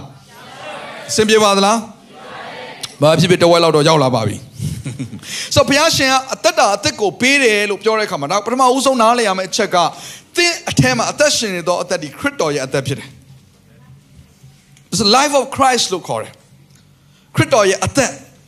ဆိုဒီခရစ်တော်ရဲ့အသက်ကိုကျွန်တော်တို့ကဘာလုပ်ရလဲဆိုတော့ကျွန်တော်တို့အသက်ရှင်နေတဲ့အခါမှာကျွန်တော်တို့ရဲ့ခရိယန်အသက်တာမှာကိုယ်ခန္ဓာစိတ်ဝိညာဉ်ဝိညာဉ်ကတော့ခရစ်တော်ရဲ့အသက်ဒါပေမဲ့ခံစားချက်စိတ်တွေကတော့ကျွန်တော်ပြီးခဲ့တဲ့တပတ်တရားဟောခဲ့တဲ့ new mindset get transform လိုက်ကိုဘုရားရှင်ဖြစ်စေခြင်းနဲ့ဆိုတော့ဒီကိုယ်ခန္ဓာကြီးကအဲ့ဒီစိတ်နဲ့အဲ့ဒီဝိညာဉ်ရဲ့ဥဆောင်မှုနောက်ကိုလိုက်သွားရတာစိတ်ကဘုရားခင်ရဲ့စိတ်အားကြီးတယ်ဆိုရင်ဒီခြေထောက်တွေကမနေနိုင်တော့ဘူးဘုရားကြောင့်ဘယ်လောက်ဝေးဝေးလာပြီမိုးဘယ်လောက်ရွရွလာပြီဘာကြောင့်လဲဒီစိတ်ကစိတ်အားကြီးနေတာကြောင့်ဘုရားရှင်ကျွန်တော်တို့ရဲ့စိတ်ကိုအသက်ပြင်ဆင်ပြီးတော့ပုံသဏ္ဍာန်ပြောင်းလဲခြင်းကိုသွားခြင်းတာဆိုတော့ဒီကျွန်တော်တို့ရဲ့အသက်တော်အသက်တာယူစပြီးကျင်လည်တဲ့အခါမှာချုပ်တော်သူတွေကဘလို့အသက်ရှင်ရမှန်းမသိတဲ့ကြောင့်တို့ဒီနေ့အင်ပဒမရိုးရှင်းတဲ့ဒါ beginner 101လို့ခေါ်တယ်เนาะကျွန်တော်တို့ကျွန်တော်တို့ရဲ့အသင်းတော်မှာ TNE ဆိုတာရှိတယ် training and equipping အဲ့ဒီက beginner 101ပဲရှိတယ်အဲ့ဒါကိုဒီနေ့နှုတ်ကပတ်တော်ဝင်ခါမှာဘာကြောင့်လဲဆိုတော့ကျွန်တော်အသင်းတော်ကိုကြည့်တဲ့အခါမှာဘာတွေ့ရလဲဆိုရင်ပြောင်းလဲလာလူတွေအများများလာလို့တချို့တွေကကြတော့ဆော့ဆော့ပြောသလို9နှစ်လောက်ကြာပြီပြောင်းလဲနေတော့မှသူလဲဆိုအဲ့လိုလူတွေကိုတွေ့ရတဲ့အတွက်ကြောင့်မလို့ဒီຢာလေးကိုပြောချင်တာဖြစ်တယ်ဆိုတော့ ပေါလုကသူဘာပြောလဲဆိုရင်ငါသည်ခရစ်တော်နှင့်အတူလက်ဝါးကားတဲ့ပေါ်မှာအသေးခံပြီဂလာတိ2:20မှာဂလာတိ2:20မှာငါသည်ခရစ်တော်နှင့်အတူလက်ဝါးကားတိုင်းမှာအသေးခံပြီသို့တော်လည်းအသက်ရှင်သေး၏ကြည့်နော်ပေါလုဘာပြောဆိုငါဟာခရစ်တော်နဲ့အတူလက်ဝါးကားတိုင်းပေါ်မှာအသေးခံပြီတဲ့ထို့သောဆိုတော့သို့တော်လည်းသို့တော်လည်းအသက်ရှင်သေး၏ဆိုတော့ तू သေတယ်တဲ့အသက်ရှင်တယ်တဲ့ဘာကိုပြောရလဲဆိုတော့သေတဲ့အသက်ကဘာလဲဆိုရင်ဆို तू မိခင်လေစီကနေမွေးလာတဲ့ပါလာတဲ့အပြစ်သားဒီဟူသောလူဟောင်းကခရစ်တော်နဲ့သူတည်သွားတယ်ဘယ်တော့မှတည်သွားရလဲခရစ်တော်လက်ဝါးကားတဲ့ပုံမှာကလေးက so your all life is dead ဒါကိုသိဖို့လိုတယ်ဒါကြောင့်မကျွန်တော်ယောမအခန်းကြီး1ကနေ16တခါတည်း Bible study ဖြစ်တဲ့ကြောင့်မလို့တခါတည်း hints ပေးခြင်းနဲ့ယောမအခန်းကြီး1ကနေ16ကိုဖြစ်နိုင်ရင်ဖြစ်နိုင်ရင်တိတ်တော့မဖြစ်နိုင်ဘူးဒါပေမဲ့ဖြစ်နိုင်ရင်1ကနေ16ကိုဇက်တိုက်ဖတ်ပါမယမနာ နောက်ရက်ကူးပြီးတော့မှငါအခန်းကြီး2ကိုဖတ်မှာမလုံးနဲ့သင်သဘောပေါက်မှာမဟုတ်ဘူးဒါပေမဲ့လုံးဝအရန်အချိန်နေတဲ့ဆိုရင်1ကနေ8ထိမယမနာဖတ်ပါဖတ်သွားရှေ့အောင်ခဏနားလို့ရတယ်မနေ့ပြန်ကြမှာငါ6ကနေစဖတ်မယ်ဆိုရတယ်ဒါပေမဲ့6ကနေ16ထိမယမနာဖတ်ပါအဲ့လိုဖတ်မှာဘာသဘောပေါက်သွားလိမ့်မယ်ဆိုရင်သင်ရဲ့လူဟောင်းက dead crucifying dead crucifying အဲ့ဒါတွေ့ရလိမ့်မယ်ကျမ်းစာထဲမှာအဲ့ဒါပဲတွေ့နေရလိမ့်မယ်မင်းရဲ့မင်းရဲ့လူဟောင်းကသေသွားပြီတဲ့ crucifying နဲ့ dead crucifying နဲ့ဘယ်နှကြိမ်တွေ့ရလဲ44ကြိမ်တွေ့ရတယ်အဲ့တစ်ကနေ16မှာတော့ယောမယောမ over ဆိုတခုလုံးမှာဘာတွေ့ရ44ကြိမ်လောက်တွေ့ရတယ်ဘာတွေ့ရလဲ your your all life is dead crucifying dead crucifying dead dead dead crucifying crucifying dead dead 44ကြိမ်မသေးချာမှာဆိုလို့ခဏခဏတက်ခိုင်းတာဘောပေါက်လား အားလုံးဒီဒီပေါ်လို့ပြောတာအဲ့ဒါကိုပြောတာငါဟာတဲ့ခရစ်တော်နဲ့တူလက်ဝါးကားတဲ့ပုံမှာအသေးခံပြီးဆိုအဲ့သူ့ရဲ့လူဟောင်းကိုပြောတာသို့တော်လည်းအသက်ရှင်နေအခုဒါပေမဲ့ငါအသက်ရှင်နေတယ်တဲ့ထို့သောဆိုတော့ငါဒီကိုယ်တိုင်မရှင်တဲ့ခရစ်တော်သည်ငါ၌ရှင်တော်မူ၏ယခုကိုခန္ဓာ၌ငါရှင်သောအသက်သည်ဘုရားသခင်သားတော်ကိုယုံကြည်ခြင်းအပြင်တည်သားတော်သည်ငါကိုချစ်၍ငါအဖို့ကိုကိုကိုစွန့်တော်မူ၏ဟူးဟာလေလုယာ။နောက်ကျွန်တော်တို့အထဲမှာရှိနေသောအသက်သည် ခရစ်တော်ပေးသောအသက်ဖြစ်တဲ့ဆိုတော့သဘောပေါက်စေခြင်း။ဒီခရစ်တော်ကိုရတော်သူများ။အာမင်။အာမင်။တော့ဒီအင်မတန်မှ very precious life เนาะတကယ်ကိုတန်ဖိုးရှိပြီးတော့တကယ်ကိုအင်မတန်မှလှပပြီးတော့နော်ဒီကောင်းကင်နဲ့ဆိုင်တဲ့အရာထာဝရနဲ့ခရစ်တော်ရဲ့အသက်ဆိုတာကျွန်တော်ဘာကြောင့်ကျွန်တော်တို့ကထာဝရသက်ရလဲသိလား။ဟယ်လိုခရစ်တော်ရဲ့အသက်မို့လို့တခါလည်းဖြည့်ပေးလိုက်မယ်မှားနေမှာဆိုလို့ဘာကြောင့်ထာဝရသက်ရခရစ်တော်ရဲ့အသက်မို့လို့ခရစ်တော်မသေးဘူးလေ အဲခရစ်တော်ရဲ့အသက်ကျွန်တော်တို့ထဲမှာရှိမှတော့ကျွန်တော်တို့ကထာဝရသက်ရတာဘောမဟုတ်ဘူးလားခရစ်တော်ရှင်တဲ့အတိုင်းကျွန်တော်တို့ကရှင်တာအဲ့ဒါကိုထာဝရသက်လို့ခေါ်တယ်အာမင်ကိုယ်တက်ကသေသွားပြီဘာမှသေရလဲခရစ်တော်နဲ့လဝါကားတဲ့ပုံမှာ dead crucify crucify dead dead dead crucify crucify dead ဘယ်နှချိန်လဲသေပြီလားသေကြပြီလားဒါပေမဲ့ယောမဩဝါဒစာထဲမှာတွေ့တယ်သိလားအေးယောမခန်းကြီး9မှာဒီအကြောင်းအရာလေးကိုပြောချင်တာ အငယ်တစ်ကနေစဖတ်မယ်အဲ့သေတဲ့အကြောင်းလေးကျွန်တော်အရန်အာနော်သေရတာအရန်အားရလို့လေဘာကြောင့်ဆိုအဲ့သေမှပြန်ရှင်တာလေကြည့်နော်မသေရင်မရှင်ဘူးမသေမရှင်လို့ခေါ်တယ်နော်သေရမယ်ဘယ်သူသေရမှာလဲကျွန်တော်တို့လူဟောင်းအဲ့ဒါမှဘယ်သူရှင်လို့ရရလဲခရစ်တော်ဆိုတော့ကျွန်တော်တို့ကကျွန်တော်တို့ရဲ့လူဟောင်းလောကထဲမှာ တတ်တယ်ဆိုခရစ်တော်ရဲ့တတ်ခတ်ခြင်းကဘယ်အချိန်မှာအတီးဖြစ်လာလဲဆိုအဲ့ခရစ်တော်ကိုကျွန်တော်တို့ကလက်ခံလိုက်တဲ့အခါမှာခရစ်တော်ရဲ့ကယ်တင်ခြင်းကိုကျွန်တော်တို့ဝင်သွားတဲ့အခါမှာခရစ်တော်ရဲ့ဖိတ်ခေါ်ခြင်းကိုကျွန်တော်တို့လက်ခံကြိုဆိုလိုက်တဲ့အခါမှာအာမင်နော်ဤမိသားစုကတခါတည်းတင်မော်တွေကိုဝင်သွားသလိုဝင်သွားတဲ့အချိန်မှာအဲ့ခရစ်တော်လက်ဝါးကိုင်းပေါ်မှာအဲ့လူဟောင်းအဲ့ဒီအဖြစ်သားကျွန်တော်တို့အဖြစ်သားကြီးတေးသွားတယ်ဆိုတဲ့အရာဖြစ်လာတာအဲ့ဒါကျွန်တော်နဲ့သက်ဆိုင်လာတာဒါပေမဲ့လွန်ခဲ့တဲ့နှစ်ပေါင်း2000ကလောက်ခဲ့တာနည်းစဉ်းစားလိုက်မှဆိုနားမလဲစရာအကြောင်းမဒါပေမဲ့ဘုရားသခင်ပြုတယ်မှုဖြစ်တယ်အာမင် ဆိုတော့ဒီကျမ်းစာမှာဗာရေးထားလဲခန်းကြီးခွန်းမှာခန်းကြီးခွန်းနဲ့မှာပြည့်ညတ်တရားကိုတည်တော်ညီကိုတို့ဒါဘသူတွေကိုပြောနေတာလဲသိလားဂျူးလူမျိုးတွေကိုပြောနေတာပြည့်ညတ်တရားကိုတည်တော်ဒီဒီကျမ်းစာထဲမှာဂျူးလူမျိုးတွေဂျူးလူမျိုးလို့ပြောတဲ့ဆိုရင်ဒီလူတွေကဘာကိုသိလဲဆိုပြည့်ညတ်တရားကိုသိတယ်မောရှေပြည့်ညတ်တရားကိုသိတယ်ဘာကိုပြောခြင်းလဲဆိုတာသိတယ်ဒါကြောင့်မလို့ပေါလုကဒီဂျူးလူမျိုးတွေကိုပြောနေတာပြောမှဆိုဒီခရစ်ယာန်တွေကိုပြောနေတာပေါ့နော် ပညာတရားကိုသိသောညီကိုတို့ပညာတရားသည်လူကိုအသက်ထက်ဆုံးများတာပိုင်သည်ကိုမသိကြသလိုကဲပညာတရားဟာကျွန်တော်တို့ကိုဘယ်အချိန်ထိပိုင်လဲသိလားအသက်ထက်ဆုံးဆိုတာဘယ်ဘယ်ဘာကိုပြောတာလဲအသက်ရှင်တဲ့အချိန်မှာပဲသင်ကိုပိုင်နေတဲ့သင်မပိုင်တော့ဒါဆိုပညာတရားလက်ကလွတ်ဖို့ဆိုရင်သင်ဘာလုပ်ရမလဲသိရမှာသိမှလွတ်မှာဘာကြောင့်ခရစ်တော်ဟာကျွန်တော်ရဲ့လူဟောင်းကိုလက်ဝါးကမ်းပေါ်မှာအသေးသက်တာလေပညာတရားလွတ်အောင်လို့ အဲ့ကိုမသိမရှင်ဖြစ်နေတယ်ဆိုရင်အာမရအောင်ပညာတရားမလွတ်သေးဘူးတင်မပညာတရားလွတ်တာဆိုတော့ပညာတရားဆိုတဲ့အရာကတင်အသက်ရှင်တော့ကြောင့်တင်ထိန်းထားပေးတာဟိုအမလုံးနဲ့နော်ဒီအမလုံးနဲ့နော်အဲ့ဒါမကောင်းဘူးနော်ဒါကောင်းတယ်နော်ဘယ်အချိန်မှသဘောပေါက်လဲအသက်ရှင်နေတဲ့အချိန်မှာသဘောပေါက်တယ်သင်္ချိုင်းကောကလည်းသဘောပေါက်လားဟေးဒါမောရှိရဲ့ကျမ်းစာသူ့ဘောအုတ်ကူဘောသွားတင်သူထားပြီးချစ်နိုင်မယ်ထင်လားအတိတ်ပဲမရှိတော့ right အဲ့တော့ကြည့်သေသောသူကိုပြညတ်တရား ဘယ်အချိန်ထိနှောက်ယှက်လို့ရလဲပြောမှာဆိုဘယ်အချိန်ထိအုပ်ဆိုးထားလို့ရလဲဆိုတော့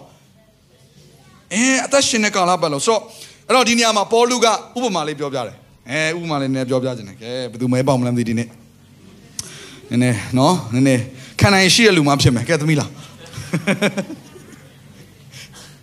ခံနိုင်ရှိတဲ့လူမှဖြစ်မယ်ကဲဟုတ်ပါပြီယောက်ျားနှစ်ယောက်လာပါအောင်ခက်ဖြောင်းဖြောင်းယောက်ျားနှစ်ယောက်ကဲလာပါလာပါရှင်းဆုံးနဲ့မဟိုဘေးကလူကိုကြည့်လိုက်သေးတယ်မ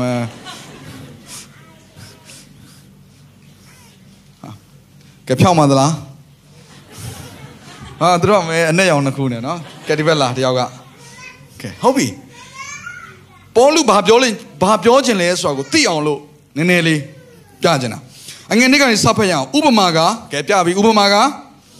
လင်းလင်းရှိသောမိမသည်လင်းမသေးမီတိုင်အောင်ပြညတ်တရားဖြင့်လင်း၌ချီနှောင်လျက်ရှိလင်းသေးလင်းမူကားလင်းဝတ်နှင့်လွတ်၏ အဲအဲကြောင့်ခန္ဓာရင်ရှိဖို့အရင်ပြောထားတာဆိုတော့ကျမ်းစာဘာပြောဆိုထို့ကြောင့်မိမိလင်မသေးမီအခြားသောသူ၏မယားဖြစ်လျင်မြောက်မထားသောမိမဟုခေါ်ထား၏လင်းသေးလင်းမူကားထိုတရားနှင့်လွတ်သည်ဖြစ်၍အခြားသောသူ၏မယားဖြစ်တော်လဲမြောက်မထားသောမိမဟုခေါ်စရာအကြောင်းမရှိသူမှာပထမလင်ရှိတယ် စင်မပြေဘူးပထမလင်တယ်လက်တောင်မတွဲခြင်းဘူးစင်မပြေဒါပေမဲ့ तू ကအသက်ရှင်နေတယ်လေဆိုတော့ပြည့်ညက်တရားကိုသိတော်ကြီးကိုတော့ပြည့်ညက်တရားဘာပြောလဲသိလား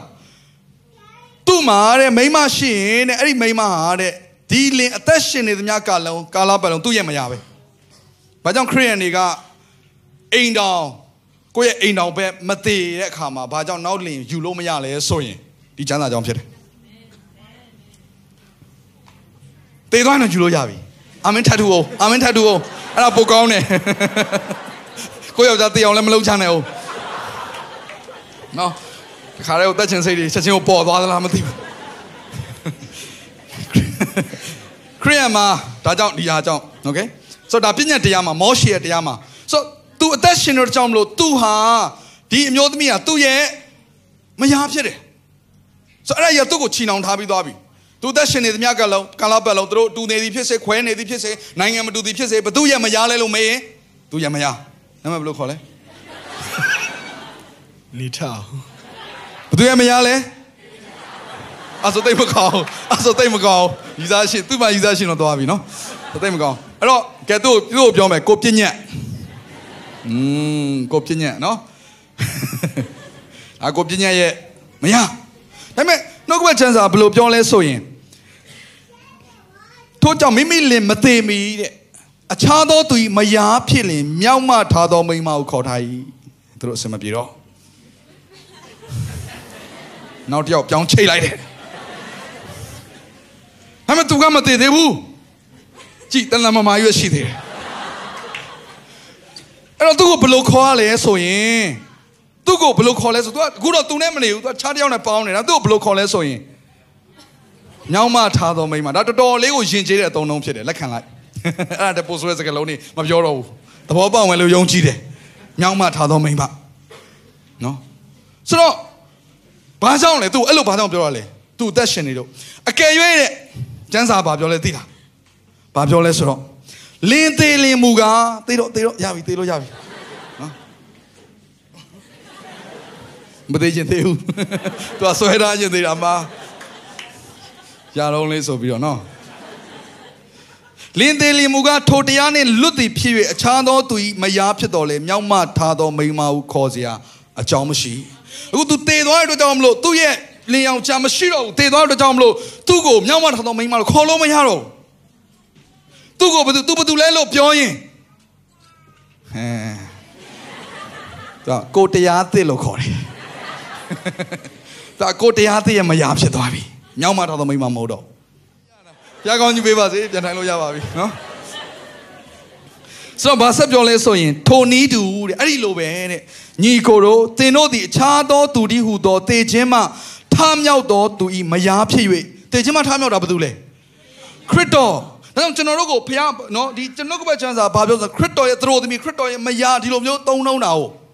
ဘောပေါ်လာမသိဘူးဒါကြောင့်မလို့ကျွန်တော်ပြောတယ်အိမ်တောင်ရေးမှာခရစ်တော်ဟာလင်ယောက်ျားကိုပုံဆောင်တယ်ကျွန်တော်တို့ဟာနော်ယုံကြည်သူဟာနော်သူ့ရဲ့အမျိုးသမီးကိုပုံဆောင်တယ်ဒါကြောင့်မလို့နော်လင်မယားနှစ်ယောက်ရဲ့ဆက်ဆံရေးခရစ်တော်နဲ့အသင်းတော်လို့ဖြစ်ရမယ်ခရစ်တော်နဲ့ယုံကြည်သူလို့ဖြစ်ရမယ်လို့ပြောတာဒီကျမ်းစာတွေကြောင့်ဖြစ်တယ်ဆိုတော့တေခြင်းမှသင်တို့သည်အခြားသော သူဒီဟုသောတေခြင်းမှထားမြောက်သောသူသောသူဤမယားဖြစ်၍ဘုရားသခင်အလိုတော်နှင့်ညီတိုးပွားမိကြောင်းခရစ်တော်ဤကိုခန္ဓာအားဖြင့်သေ၍ပြည့်ညတ်တရားအားဖြင့်ကြွာကြ၏ဝူးဟူဟာလေလုယာတော့ညီကျွန်တော်တို့ဒီမှာရှိသောသူအားလုံးဒီပြည့်ညတ်တရားကချုံနှောင်ထားသောသူတွေမဟုတ်တော့ဘူးအဲဒီကလူတွေပျော်သွားပြီစားပြန်စရာဒါဆိုရင်ကျွန်တော်ကျွန်မနောက်နောက်ယောက်ျားယူလို့ရပြီအဲ့ဒါကိုပြောတာမဟုတ်ဘူးနော်အယူမလွဲနဲ့အချို့တွေကကြံဖန်ပြီးတော့သူလိုချင်တာသူယူပြီးခွန်အားရသွားရှိတယ် နော် Facebook တွေပါကောက်တင်တရားဟောတာနဲ့လွဲပြီးတော့နာမည်တက်လိုက်သေးတယ်ဆရာစောတီကဟောတာအဲ့လိုတဲ့နာမည်ပြတ်တာကျွန်တော်ပဲပြတ်တယ်ဆိုတော့ဒါကိုသဘောပေါက်ဖို့လို့လေအာမင်ဆိုခရစ်တော်ပေးတဲ့အသက်ကျွန်တော်တို့ရဲ့နော်ပြောမှဆိုကျွန်တော်တို့ရဲ့လင်ယောက်ျားကဘာတူလဲကျွန်တော်ပေါင်းဖော်ရမယ့်သူကဘာတူလဲကျွန်တော်နေတိုင်းစကားပြောရမယ့်သူကဘာတူလဲကျွန်တော်နေတိုင်းအချိန်ယူရမယ့်သူကဘာတူလဲဟိုဟာဒီဟာဆိုပြည့်ညတ်ချက်တွေမဟုတ်တော့အဲခရစ်တော်နဲ့ဖြစ်သွားပြီအကျွမ်းဝင်ခြင်းနဲ့ကိုသွားရတော့မှာအာမင်ဒီအသက်တာအသက်မှာဘုရားရှင်ပေးတာဒီပြည့်ညတ်တရားအဟောင်းမဟုတ်ဘူးပြည့်ညတ်တရားအသက်ဖြစ်တယ် ပညာတရားအသစ်ကိုကျမ်းစကားနဲ့ဘယ်လိုခေါ်လဲဆိုရင်ဝိညာဉ်တော်တရားလို့ခေါ်ပြောကြည့်ပါဦးဘာတရားလဲဝိညာဉ်တော်တရားဝိညာဉ်တော်တရားကိုဖခင်ဘယ်လိုပေးလဲဆိုရင်ကြောက်ပြားနဲ့မပေးဘူးပြောကြည့်ပါဦးဘာနဲ့မပေးဘူးလဲကြောက်ပြားနဲ့မပေးဘူးဆိုရင်ဘာကိုပြောစာအုပ်နဲ့မပေးဘူးပြောကြည့်ပါဦးစာအုပ်နဲ့မပေးဘူးအဲ့တော့ကျွန်တော်တခါဒီမှာဒီကျမ်းစာကြီးကိုကင်ပြီးတော့ဒီကျမ်းစာတွေက do and don't တွေကြားထဲမှာပဲရှိတယ်ဆိုရင်ဘာကြောင့်ဒီထက်မှာမောရှေရဲ့ပညာတရားကြီးရှိနေတယ်လေဟယ်လို မဖတ်အောင်လို့ပြောတာမဟုတ်ဘူးနော်ဒါပေမဲ့အဲ့ do and don't ဆိုတဲ့အဲ့ဒီအထက်မှာရှိနေသင်ဘာကိုပြောနေလဲဆိုရင်သင်ဟာအရင်လင်နဲ့မခွာသေးဘူးအရင်လင်ကိုမသိခိုင်းသေးဘူးခရစ်တော်နဲ့လူလက်ဝါးကလေးမှာမသေးသေးဘူးသင်ခရစ်တော်တကယ်မရသေးဘူးခရစ်တော်ကိုတကယ်ရတဲ့သူကပညာတရားနဲ့ကြွားသွားပြီဒါပေမဲ့ဒီတိုင်းမထားဘူးဘာတရားထည့်ပေးလဲဝိညာဉ်တော်တရား ကျမ်းစာဘာပြောဆိုဝိညာဉ်တော်တရားကိုဘယ်လိုပေးလဲဆိုရင်နှလုံးသားကြောက်ဖြာပေါ်မှာတဲ့ပညာတရားဘယ်လိုရလဲမောရှေကတောင်ပေါ်မှာပဲဘာဘယ်လိုရလဲကြောက်ဖြာမှာရတာပညာတော်10ပါကြည့်တော့အခုချိန်ဒီပညာတော်10ပါနဲ့တိုင်ပတ်နေတဲ့ခရိယန်တွေရှိသေးတယ်ဟာဒါဆရာခရစ်ဒါဆိုရင်ပညာတော်10ပါကျွန်တော်လွတ်ပြရမှာလားမဟုတ်ဘူးဝိညာဉ်တော်တရားထဲမှာပညာတရားအကုန်ပါတယ်အကုန်ပါတယ်ပြင်ပို့ပြီးတော့ upgrade လုပ်ထားတာ ခရစ်တော်လက်ဝါးကားရင်ပေါ်တက်သွားတာပြည့်ညက်တရားတွေကိုပယ်ဖို့မဟုတ် upgrade လုပ်ဖို့တက်သွားတာဟယ်လို။နောက်ခရိယန်ဖြစ်ရတာပိုဆိုးတယ်နော်။ဂျူးဖြစ်ရတာလွယ်သေးတယ်။ financial လောက်ရတာရမ်းလွယ်တယ်။အဲ do and don't ဆက်သူကအကုန်လုံးပြီးသွားပြီ။ဒါကြောင့်ခရစ်တော်စီကိုလာတယ်လေဒီလူငယ်ကအရန်လဲချမ်းသာတယ်။ထာဝရတရားကိုဘယ်လိုလုပ်ရမလဲ။ပြည့်ညက်တရားကိုကျင့်ပြီးပြီလား။ငယ်စဉ်ကလေးကအကုန်ကျင့်ပြီးသွားပြီ။ဟာလူငယ်လေးပဲရှိသေးတယ်။ကြွယ်ဝတယ်ပညာတတ်တယ်။ အကျင့်တရားမှာစုံလင်တော်သူဖြစ်တယ်။ကျင့်နိုင်တယ်။ကျင့်နိုင်တယ်။ကျင့်နိုင်တဲ့လူတွေရှိတယ်။ဒါကြောင့်မလို့လေဖာရီရှဲဆိုတာပေါ်လာတာပေါ့။ကျင့်နိုင်လို့ဇဒုကဲဆိုတာပေါ်လာတာပေါ့။ဒီပညာတရားပေါ်မှာကျွန်တော်ခရစ်တော်အသီးဝိညာဉ်တော်တရားကိုပေးတဲ့လာတဲ့ပေးဖို့ရန်လာတဲ့ချိန်မှာဒီအုပ်စုတွေကဘယ်ထဲမှာပိတ်မိနေလဲဆိုပညာတရားထဲမှာပိတ်မိနေတာ။အဲ့လင်ဟောင်းနဲ့ရေးလဲပြောတာ။ဟိုမှာလင်သက်ကလာပြီလေ။မအဲ့လင်ဟောင်းမကောင်းဘူး။အဲ့ဒီကိုကိုပညာမကောင်းဘူး။ ဒီမှာကိုတရားသက်ရှိတယ်။အာမင်။လာပါဖိတ်ခေါ်တာ။ဒါနားလည်အောင်ပြောပြနော်အဲ့လိုပြောတော့ဟာခရိယန်ဆိုတာကလေမြောက်မထားတဲ့ဘာသာတရားဖြစ်နေဦးမယ်တော့ကျန်ဆိုတွေကနားလည်အောင်ရှင်းပြတာဘလို့ကွာသွားလဲဆိုတာဘုရားဘလို့ရွေးနှုတ်လဲဆိုတာဝိညာဉ်တော်တရားဘလို့ပေးလဲဆိုတာသိစေချင်တော့အဲ့ပညာတရားကချုပ်နှောင်ထားတော့ပြောမဆိုရင်ကျမ်းစာမှာနောက်တစ်ခုဘလို့ပြောလဲဆိုရင်ပညာတရားဒီအထိန်ဖြစ်တယ်တဲ့ကျွန်တော်တို့ကိုပိုင်းရှင်းမလာခင်အထိန်ပိုင်းရှင်းရဘာလို့လဲခရစ်တော် ခရစ်တော်သူမလာခင်မှာအထိန်နေနဲ့ထားထားတာအထိန်ကိုရမ်းချစ်နေတာချို့ကအဲ့အထိန်နဲ့ပျော်နေတာအဲ့အထိန်ကိုရမ်းဆွဲလန်းတာမဟုတ်ဘူးပန်ရှင်ဒီမှာကိုတရားသစ်ပိုင်ရှင်လာပြီလေဆိုတော့ခရစ်တော်ကျွန်တော်တို့ကိုရွေးနှုတ်ဖို့လာပြီလင်သစ်ကအရင်မယားဖြစ်တဲ့ဒီသင်နဲ့ကျွန်တော်ကိုသူကရွေးဖို့ရန်လာပြီအဲ့ဒါကိုကျွန်တော်ကအရင်တော့ကအဲ့ဒီအထိန်နဲ့ပဲပျော်နေတယ်ဆိုရင်ဘလို့လို့အဲ့ဒီတရားသစ်ရဲ့အရာတော်ခံစားရမလဲ ဝိညာဉ်တော်တရားဘလို့ပေးတယ်နှလုံးသားကြောက်ဖြာမှာပေးတယ် upgrade လုပ်ရတယ်ဘလို့ upgrade လုပ်လဲခဏခဏကျွန်တော်တရားလေးကိုပြောပါတယ်ပညာတရားမှာသူတို့ဘာတာမယာနဲ့အတူသွားအိမ်မှာပြစ်မှားတယ်ဒါပေမဲ့ဝိညာဉ်တော်တရားမှာခရစ်တော်ရဲ့တရားမှာတရားအသစ်မှာကြတော့မျက်စိနဲ့ကြည်တာပဲပြစ်မှားမိပြီဘယ်ဟာပုတ်ခက်လဲအာလင်ဟောင်းမနေတော့မဆရာရဲ့ဆရာလင်သစ်ကတော်တော်ရှုပ်တာပဲ ကိုယ့်ကိုလင်ဟောင်းနဲ့နေတော့ဟုတ်လင်သစ်ရောက်မှမျက်မျက်စိနဲ့ကြည့်မိတာတော့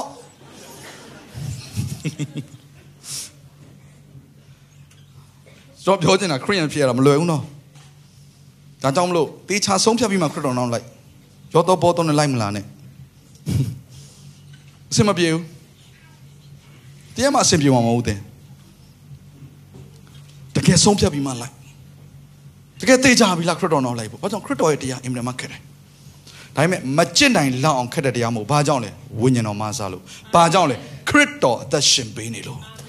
ကိုဇာတိနဲ့အဲ့ဒီခရစ်တော်တရားဘယ်လိုလုပ်ကျင့်နိုင်မလဲအခုပေးထားတဲ့အထိန်တော်မှာမနှဲလုံနေရတာပြည့်ညတ်တရားတော့မနှဲကျင့်နေရတာခရစ်တော်ရဲ့တရားပုံမြင့်တဲ့တရားလာဘယ်လိုလုပ်ကျင့်နိုင်မလဲ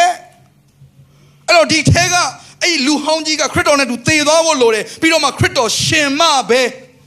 အဲ့ဝိညာဉ်တော်တရားနောက်ကိုလိုက်နိုင်တာအာမင်အဲ့ဝိညာဉ်တော်မဆာကျွန်တော် new life အသက် တော်အသက်တာအသက်တော်အသက်တာအစာပြုခြင်းဆိုရရမှန်ကန်စွာအစာပြုမှအဆင်ပြေမှာဒီမှန်ကန်စွာအစာပြုနိုင်အောင်သဘောပေါက်အောင်ဒီနှုတ်ကပတ်တော်ကိုလေ့လာနေတာဖြစ်တယ်အာမင်ဆိုအဲ့တော့ new life ဖြစ်လာပြီဆိုအချက်လေးလေးချက်အဲ့လေးချက်ကိုမရောက်နိုင်တော့ဘူး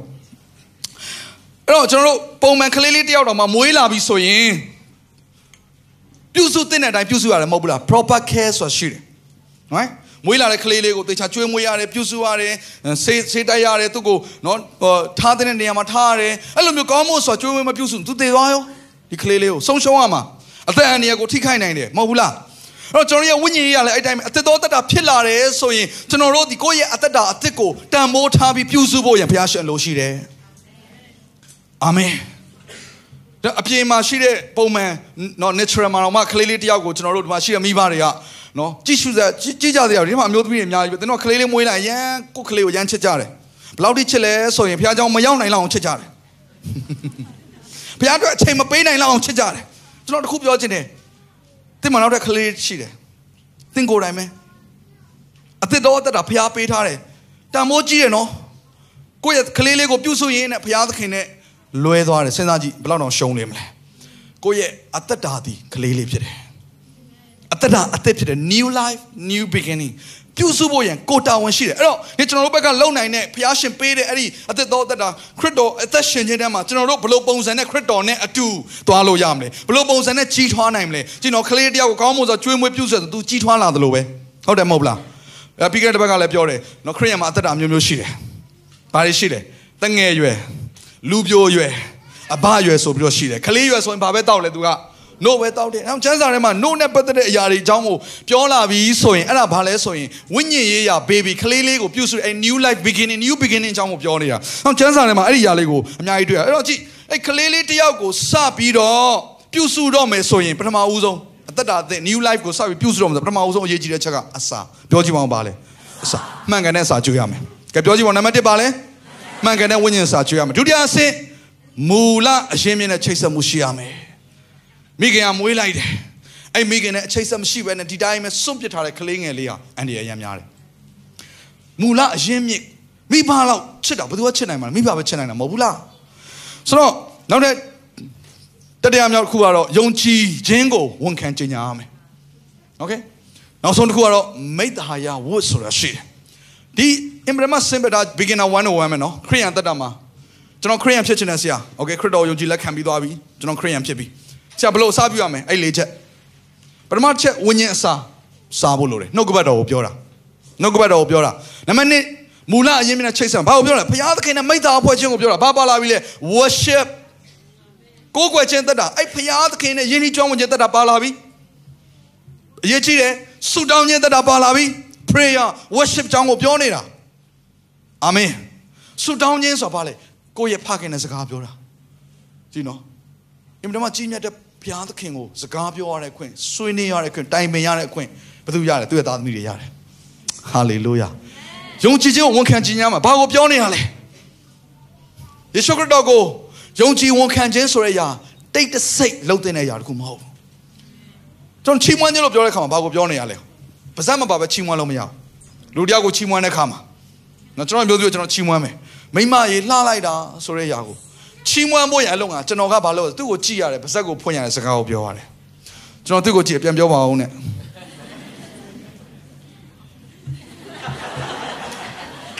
သူစဉ်းစားနေမှာဘာလဲသိလားအင်းဘိုက်ဆန်နေပြီလားမသိဘူးငါအိမ်မှာချက်ထားလားမသိဘူး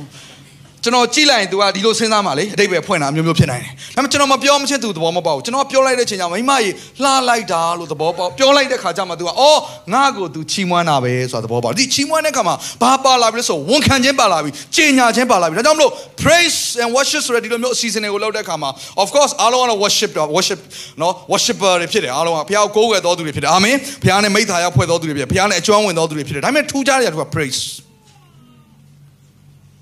မြန်တဲ့သင်းက praise ဖြစ်ပြီးတော့နေ့ရက်သင်းက worship မဟုတ်ဘူးနော်ကြုံတော့တစ်ခါလေးပြောလိုက်အောင်မယ်တခြင်းတွေအားလုံးကိုဝန်ခံဖွင့်ဟတီးဆိုနေခြင်း praise တခြင်းမဆိုတဲ့အချိန်မှာလဲအိတ်ခမ်းလေးထဲမှာလဲဘုရားသခင်နဲ့မှန်ကန်နေတာ worship ဘာမျိုးစမှမရှိဘူးဘာသခြင်းမှမဆိုဘူးတိုင်းဘုရားနဲ့မှန်နေတယ် worship လို့ခေါ်တယ်ငြုပ်သီးထောင်းရင်းနဲ့ဘုရားနဲ့မှန်နေတယ် worship လို့ခေါ်တယ်အလုံးလုံးရင်ဘုရားသခင်နဲ့ချစ်ချမ်းဝင်နေတယ် worship လို့ခေါ်တယ် ဒါမှမဟုတ်သချင်းဆိုတာကြတာအဲ့ဒါ praise လို့ခေါ်တယ်အနေချင်းမဲ့ဆိုဆိုအမြန်ချင်းမဲ့ဆိုဆိုဘာတွေဆိုနေတာလဲဖခင်ကောင်းမြတ်တဲ့အကြောင်းပြောနေတာမဟုတ်ဘူးလားကိုတော်ကြီးမြတ်တဲ့အကြောင်းပြောနေတာမဟုတ်ဘူးလားကိုတော်ကျွန်တော်ကိုချစ်တဲ့အကြောင်းကိုဝန်ခံကြေညာနေတာမဟုတ်ဘူးလားအာမင်အဲ့ဒါကိုပြောနေတာနောက်ဆုံးမိတ္တာရောက်ဘာကိုပြောနေတာလဲအိမ်တော်မိသားစုအိမ်တော်အသင်းတော်ကိုပြောနေတာအဲ့ကိစ္စ YouTube နဲ့မရအော ကွန်ပျူတာရှေ့မှာထိုင်ဖုန်းကိုကင်ပြီးတော့ YouTube နဲ့ခရိယန်အသက်တာကြီးထွားလာတယ်ဆိုလူရှင်ကျွန်တော်ဒီခေါ်လာခဲ့ခေါင်းခောက်ခြင်းလို့အဲ့လောက်တော့တုံးရသလားလို့ဖျားကြောင်သွားဆရာမလိုဘူးလာခဲ့ခေါင်းခောက်ခြင်းလားမိသားရပြုရမှုရှောင်းလဲလို့မရဘူးဒီနော်ကျမ်းစာတွေဖတ်ခြင်းတယ်အဲ့တော့အသေးစိတ် မသက်ခန်းကြီးလေးငယ်လေးမှာယေရှုကလည်းနံပါတ်1ကဝိညာဉ်ကိုအစာကျွေးတဲ့ဥစ္စာနှုတ်ကပတ်တော့ယေရှုကလည်းလူသည်မုတ်အားဖြင့်သာအသက်ကိုမွေးရသည်မဟုတ်ဖျားခင်မိန်တော်မူသမျှအားဖြင့်အသက်ကိုမွေးရမည်ကျမ်းစာလာသည်ပြန်ပြောတော်မူအာမင်အဲ့ဒီအထက်ကဝိညာဉ်အသက်ကိုပြောနေတာဟာလေလုယာကိုခဏအသက်ကတော့အပြင်အစာလေလူသည်မုတ်အားဖြင့်သာနော်အဲ့စကလုံးလေးတာလေးပါဖို့လို့ရနော်ကျွတ်ဘယ်လိုပြောလဲလူသည်မုတ်အားဖြင့်အသက်မွေးရသည်မဟုတ်အမစားနဲ့အားဆိုလဲကျမ်းစာတော့လုံးမပြောဘူးကျမ်းစာထဲမှာလူသည်မုတ်အားဖြင့်သာ အစာတစ်ခုကိုခန္ဓာအတွက်အစာတစ်ခုတည်းနဲ့အသက်ရှင်ရတာမဟုတ်ယုံကြည်သူကဝိညာဉ်အသက်ဖြစ်တဲ့နှုတ်ကပတ်တော်ကိုစားရတယ်အာမင်။ဒါမလို့ဒီနှုတ်ကပတ်တော်နဲ့ပတ်သက်ပြီးတော့အဲ့ဒီအဆင့်တန်းမျိုးမျိုးပြောတဲ့ခါမှာနော်နှုတ်နဲ့ပတ်သက်ပြီးပြောတဲ့ຢာတွေအားလုံးကိုသိဖို့တော့လိုတယ်လို့ကျွန်တော်ယုံကြည်တယ်။ဒါကြောင့်နည်းနည်းစမ်းစာဖတ်ခြင်းနဲ့တစ်ပေခန်းကြီးနှစ်ငယ်တစ်ကနေနှစ်ပါတစ်ပေခန်းကြီးနှစ်ငယ်တစ်ကနေနှစ်မှာထို့ကြောင့်သင်တို့သည်ဘုရားသခင်ယေရှုတော်ကိုမြည်ဆန်းကြသည်ဖြစ်၍ အမျိုးမျိုးသောမနာလိုခြင်းလှည့်ပြားခြင်းလျှို့ဝှက်ခြင်းညူဆူခြင်းကဲ့ရဲ့ခြင်းရှိသမျှကိုပယ်ရှား၍ကျွန်တော်ပြောမယ်အခုပြောတဲ့ຢာတွေအားလုံးတင့်သက်တာထဲမှာရှိနေရင်အဲ့ဒါ no ဆိုတဲ့သက်တာကဲနေခြင်းအလုံးကနှုတ်ကပတ်တရားဤနှုတ်ဆက်အဖြစ်ကြီးပွားမြင့်ကြောင်းဖွားဆသောတငယ်ကဲ့သို့ထိုတရားတို့ကိုအလွန်လိုချင်သောစိတ်ရှိကြလောအဲ့တော့ကြည့်ကလေးတငယ်လေးဖြစ်နေတဲ့ကြောင့်အဲ့ဒါတွေဖြစ်နေတာအဲ့တော့ဘာလုပ်ဖို့လိုလဲနှုတ်ကပတ်တော်ကိုစားစားဖို့လိုတယ်နော်စားပြီးနှုတ်ကပတ်တော်ကိုတောက်ဖို့လိုတယ်အဲ့ဒါမှအဲ့ဒီຢာတွေပယ်ရှင်းပါ အဲ့ဒါမှကြီးထွားခြင်းတက်လာမှာဒါကိုပြောနေတာအာမင်ဟေပြခန်းကြီး9ငယ်73ကနေ74မှာအဲ့မှာတော့ခြေခဲသောအစာအကြောင်းကိုစပြီးပြောလာတယ်ဟေပြခန်းကြီး9ငယ်73ကနေ74နှုတ်ကိုသာသုံးဆောင်သောသူမြည်သည်ကတငယ်ဖြစ်သောကြောင့်ဖြောင့်မတ်ခြင်းတရား၌လေ့လာခြင်းမရှိ ကောင်းကျိုးမကောင်းကျိုးကိုပိုင်းခြား၍သိနိုင်သောဉာဏ်ပေးတတ်သောအကြအမြင်အတွေ့အစမ်းများသောသူဒီဟုသောစုံလင်သောအရွယ်ရှိသောသူတို့မူကားခြေခဲသောအစာအာဟာရကိုသုံးဆောင်ရကြ၏. God is more than make. Amen. ဘုရားနားထောင်နေတယ်လေးလာနေတဲ့ဆရာပြဆောင်သွားနေတယ်ဆရာပေါင်းဝင်နေတဲ့ဆရာဒါပေမဲ့ဆောဆောဖတ်ခဲ့တဲ့ပထမကျမ်းစာမှာဖတ်ခဲ့တဲ့ အကျင့်တွေသင်တရာတွေမှာရှိနေရင်ကြီးထွားဖို့လိုတယ်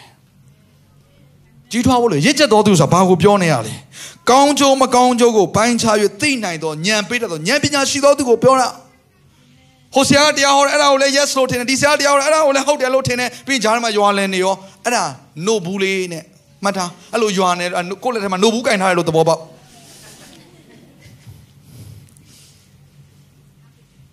ကလေးဆိုတာကလှည့်လို့ရတယ်လေ ကျွန်တော်အခုကျွန်တော်သမီးနဲ့ကျွန်တော်သားဒဲရီကိုခေါ်ပြီးကျွန်တော်သွားပြန်လာတဲ့ကားပေါ်မှာနော်ဒါအခုပဲဖြစ်ခဲ့တဲ့ຢာလေးမို့လို့ပြောပြတာဆိုတော့ကျွန်တော်သမီးကကျွန်တော်ဘေးမှာပေါ့နော်ဘေးမှာရှိတဲ့ခုံမှာထိုင်ကျွန်တော်သားအနောက်မှာထိုင်ဒဲရီကသူသူညီမကိုရမ်းစားတလန်းလုံးစားလာ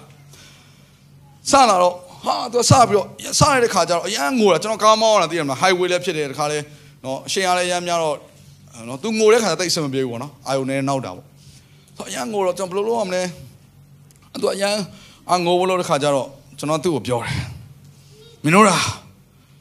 မျက်ရည်ရရမ်းရှားတယ်နော်မငိုနဲ့သမီးမနည်းနည်းလေးပဲရှိတာသမီးငိုလိုက်ကုန်သွားမှာဆိုတော့သူစဉ်းစားပြီးရက်သွားစဉ်းစားပြီးရက်သွားရတော့ငိုမိမအရင်ငိုချင်တာအဲဟိုငိုချင် ကျွန်တော်သူ့ရေလဲတိုက်ချင်တာရေတောက်အဲ့ဒါမှမျက်ရည်ထွက်တာသူစဉ်းစားတောက်မယ်ဆိုတော့ငိုတာခဏရက်တယ်ပြီးတော့သူတောက်ဆိုတော့တော့ကားမောင်းနေဆိုနေတော့ကြာတာပေါ့နော်ဖြည်းဖြည်းချင်းဖြည်းဖြည်းချင်းတောက်တောက်တောက်ဆိုဆော့ဆော့စိတ်ဆိုးတာအကုန်မေ့သွားမေ့ပြီးပြီလားတောက်လို့ပြီးပြီကဲရေဘူးပြန်တင်ပြန်တင်ပြီးသွားကဲငိုတော့သူအားနေတော့အတန်ထွက်တယ်အင်း အင်းငိုလို့ရတော့ဘူးတဲ့ပြီးတော့ကိစ္စရှင်းငြိမ်တော့တခါတည်းအဲ့ဒါခလေးခါရယုံကြည်သူတွေရမ်းချစ်ဖို့ကောင်းတယ်အာနိုဘူးဆိုနေလို့ cute christian ဆိုတာရှိရလေ cute christian အရန်အဆင်ပြေတယ်မလေးလူတိုင်းချီလူတိုင်းနဲ့အဆင်ပြေလူတိုင်းနဲ့ပေါင်းနိုဘူးလေးဆိုနေကြတာ ရင့်ကျက်တဲ့ခရိယန်လူတိုင်းနဲ့အဆင်မပြေတော့ဘူးအရင်တငယ်ချင်းနဲ့အဆင်မပြေတော့ဘူးပေါင်းတာတကယ်ကြီးချရအောင်လောက်ရအောင်အဆင်မပြေတော့ခွဲရပြီခွဲရလူတွေရှိလာပြီကျွန်တော်ယတိချက်ကမှန်းလာပြီလူတိုင်းနဲ့အဆင်မပြေတော့ Q မဟုတ်တော့ဘူးစောတိယောက် Q လို့ဘယ်သူပြောမလဲဆရာရန် Q တာပဲမဟုတ်ဘူးဒီယုတ်ကြီးကမ Q တော့ဘူးရင့်ကျက်နေပြီကျင့်တာမှတော်တော်ရင့်နေပြီစပင်းနဲ့ဖြူနေပြီ Amen God is more than meek Amen ဒုတိယချက်မူလအရေးမြင့်တဲ့ချိန်ဆက်မှုရှိရမယ်တတလောနေပထမဆောင်ခန်းကြီး9ငယ်19နဲ့18 Pray without ceasing မချားမလဲဆုတောင်းပတနာပြုကြလောအရာရာနဲ့ဂျေဇုတော်ကိုချီးမွမ်းကြလောအကြောင်းမူကားသင်တို့သည်ထိုတို့ကျင့်စေခြင်းကယေရှုခရစ်၌ဘုရားသခင်အလိုတော်ရှိ၏ ဆုတောင်းရတာပြင်းတဲ့လူတွေဆုမတောင်းတတ်တဲ့လူတွေ very simple လေးချက်လေးပြောမယ်အချက်တွေရမ်းများတော့ဒီနေ့ဒါပေမဲ့ရအောင်မှတ်ပါဆုတောင်းရပထမဆုံးဘာနဲ့စသည်တာမဆုတောင်းအရန်လွယ်လို့ပြောပြတာကျေးဇူးတော်ချီးမွမ်းခြင်းနဲ့စကျွန်တော်မိသားစုဆုတောင်းပြီဆိုရင်အဲ့ဒီနော်ဆုတောင်းတာတိုင်ပတ်တာတယောက်ရှိတယ် Derek သူဆုတောင်းဘာနဲ့ပဲစ Dear God bless me bless me bless my family bless daddy သူကစကလေးကသူ့အတွက်ပဲစတာနေုံနေုံခဏရခဏရခဏရ ဆုတောင်းရအရင်ဆုံး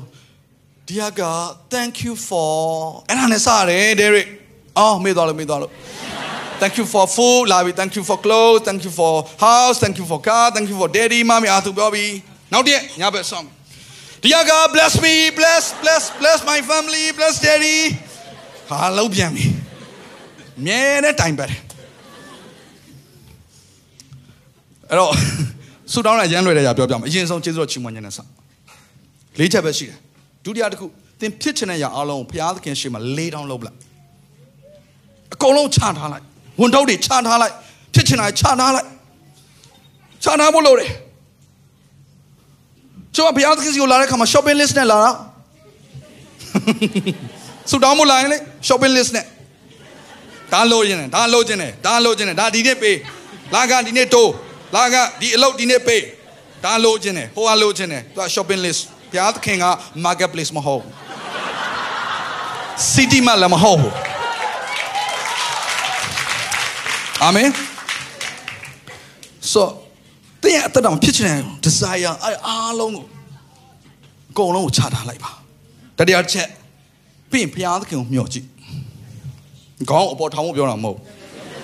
ဘုရားသခင်ဘာဖြစ်ချင်လဲဆိုတဲ့အရာကိုဘုရားရှင်စီကနားထောင် ဘုရားဘာလို့တော့ရှိတယ်ကိုတော့ဒီဒီယာနဲ့ပတ်သက်ပြီးတော့ဒါတော့ကျွန်တော်ဖြစ်တယ်ဒါပေမဲ့ကိုတော့ကိုတော့အလိုရှိတယ်ဆိုရင်ဒီယာဖြစ်အလိုမရှိဘူးဆိုရင်ကိုတော့ကိစ္စမရှိဘူးကိုတော့ဘာလို့ရှိတယ်ကိုတော့တွန်းတင်မှာဒါကြီးကိုလှုပ်ဖို့ပြင်ဆင်တာဒါပေမဲ့ကိုတော့အလိုမရှိဘူးဆိုပြတ်စေပါချိုးကြအလုံးမအကုန်စီစဉ်ထားပြီးဆိုတော့ကိုတော့ဒါအောင်မြင်စေနော်ကိုတော့သဘောတူခိုင်းတာဘုရားကိုကိုတော့ဒါသဘောတူပေးဖြစ်ရမှာဒါကိုတော့ဒါသဘောတူပေး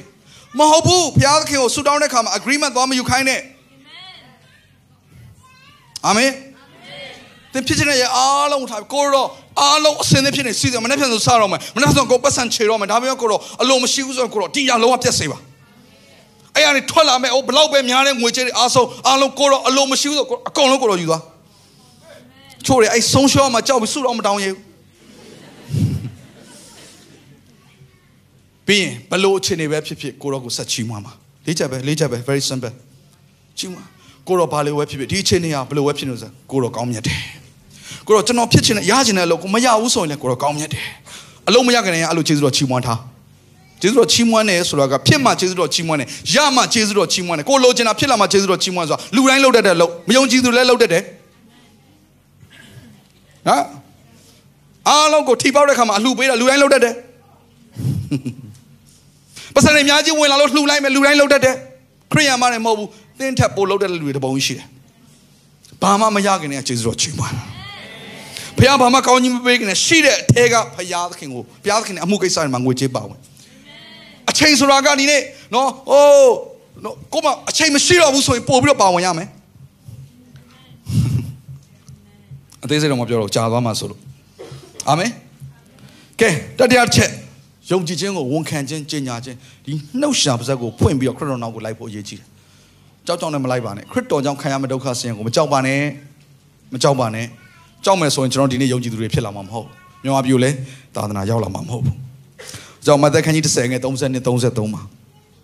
အကျဉ်သူသည်လူတို့ရှေ့မှာငါ့ကိုဝန်ခံအံ့ကောင်းငင်ဘုံ၌ရှိသောငါဤခမည်းတော်ရှေ့မှာထိုသူကိုငါဝန်ခံမည်အကျဉ်သူသည်လူတို့ရှေ့မှာငါ့ကိုညှင်းပယ်အံ့ကောင်းငင်ဘုံ၌ရှိသောငါဤခမည်းတော်ရှေ့မှာထိုသူကိုငါညှင်းပယ်မည်ကြည့်နော်မြေကြီးပေါ်မှာလှုပ်လိုက်တဲ့သင်ရဲ့ကြင်ညာလိုက်ခြင်း ကောင်းငင်ထိတက်ရောက်တယ်ဝန်ခံလိုက်ခြင်းကောင်းငင်ထိတက်ရောက်တယ်သင်ရဲ့ဝန်ခံခြင်းကလေဘယ်လောက်ထိတကိုးရှိလဲဆိုတာအဲ့ဒါလေးကိုပါစပ်ပိတ်ပြီးတော့တိတ်တိတ်နေပြီးတော့တိတ်စိတ်ခရိယံမလုပ်ဖို့နှုတ်ဆော်ခြင်းတယ်အခုနောက်ပိုင်းမှာအဲ့ဒီစကားလေးခစ်စားလာတယ် silent christian ဆိုတာလားမသိနော်စကားလုံးလေးဒါလေးရှိတာဘာလို့အရန်ခက်ခဲတဲ့နိုင်ငံတွေမှာညင်ပန်းနှိပ်စက်မှုတွေများနေတယ်ဥပမာ Arab Arab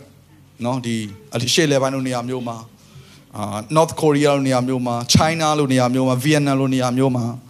တိတ်ဆိတ်နော်တိတ်တိတ်လေးချို့ကဘယ်လိုပြောလဲဆိုရင်နော်ချို့ကျွန်တော်တို့နိုင်ငံတော်ခေါင်းဆောင်ချို့ကလည်း Silent Christian နဲ့မအဲ့လိုမျိုးယူတာရှိတယ်ဘုရားတနေ့ကျဘုရားရှင်မတ်တက်ရန်ဘုရားသခင်ဘယ်လိုတရားစီရင်မလဲတော့မသိဘူးကျွန်တော်ကတရားသိမဟုတ်တော့မသိဘူးလေတကယ်မသိလို့မသိဘူးပြောတာဒါပေမဲ့ကျမ်းစာထဲမှာတော့ဘယ်လိုရေးလဲဆိုတော့အကျဉ်သူသည်လူတို့ရှေ့မှာငါ့ကိုညင်းပယ်အံကောင်းကင်ဘုံ၌ရှိသောငါ၏ခမည်းတော်ရှေ့မှာထိုသူကိုငါညင်းပယ်ပြီကျွန်တော်သိတဲ့ခရိယန်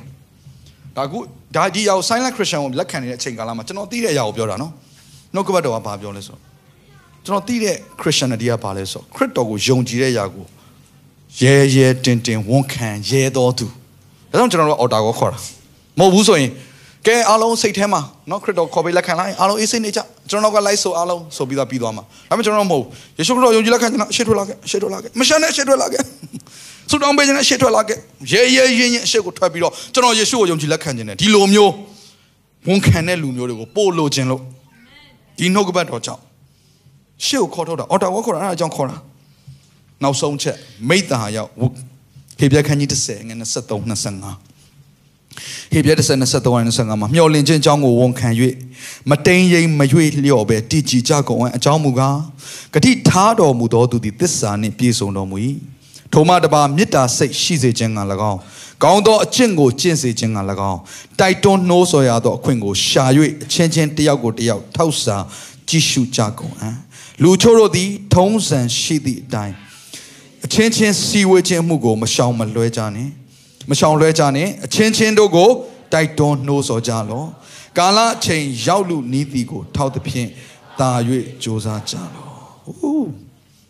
အားလုံးရှင်းမလို့ယုံကြည်တယ်ဒီကျမ်းစာလေးကိုဖတ်လိုက်တာ ਨੇ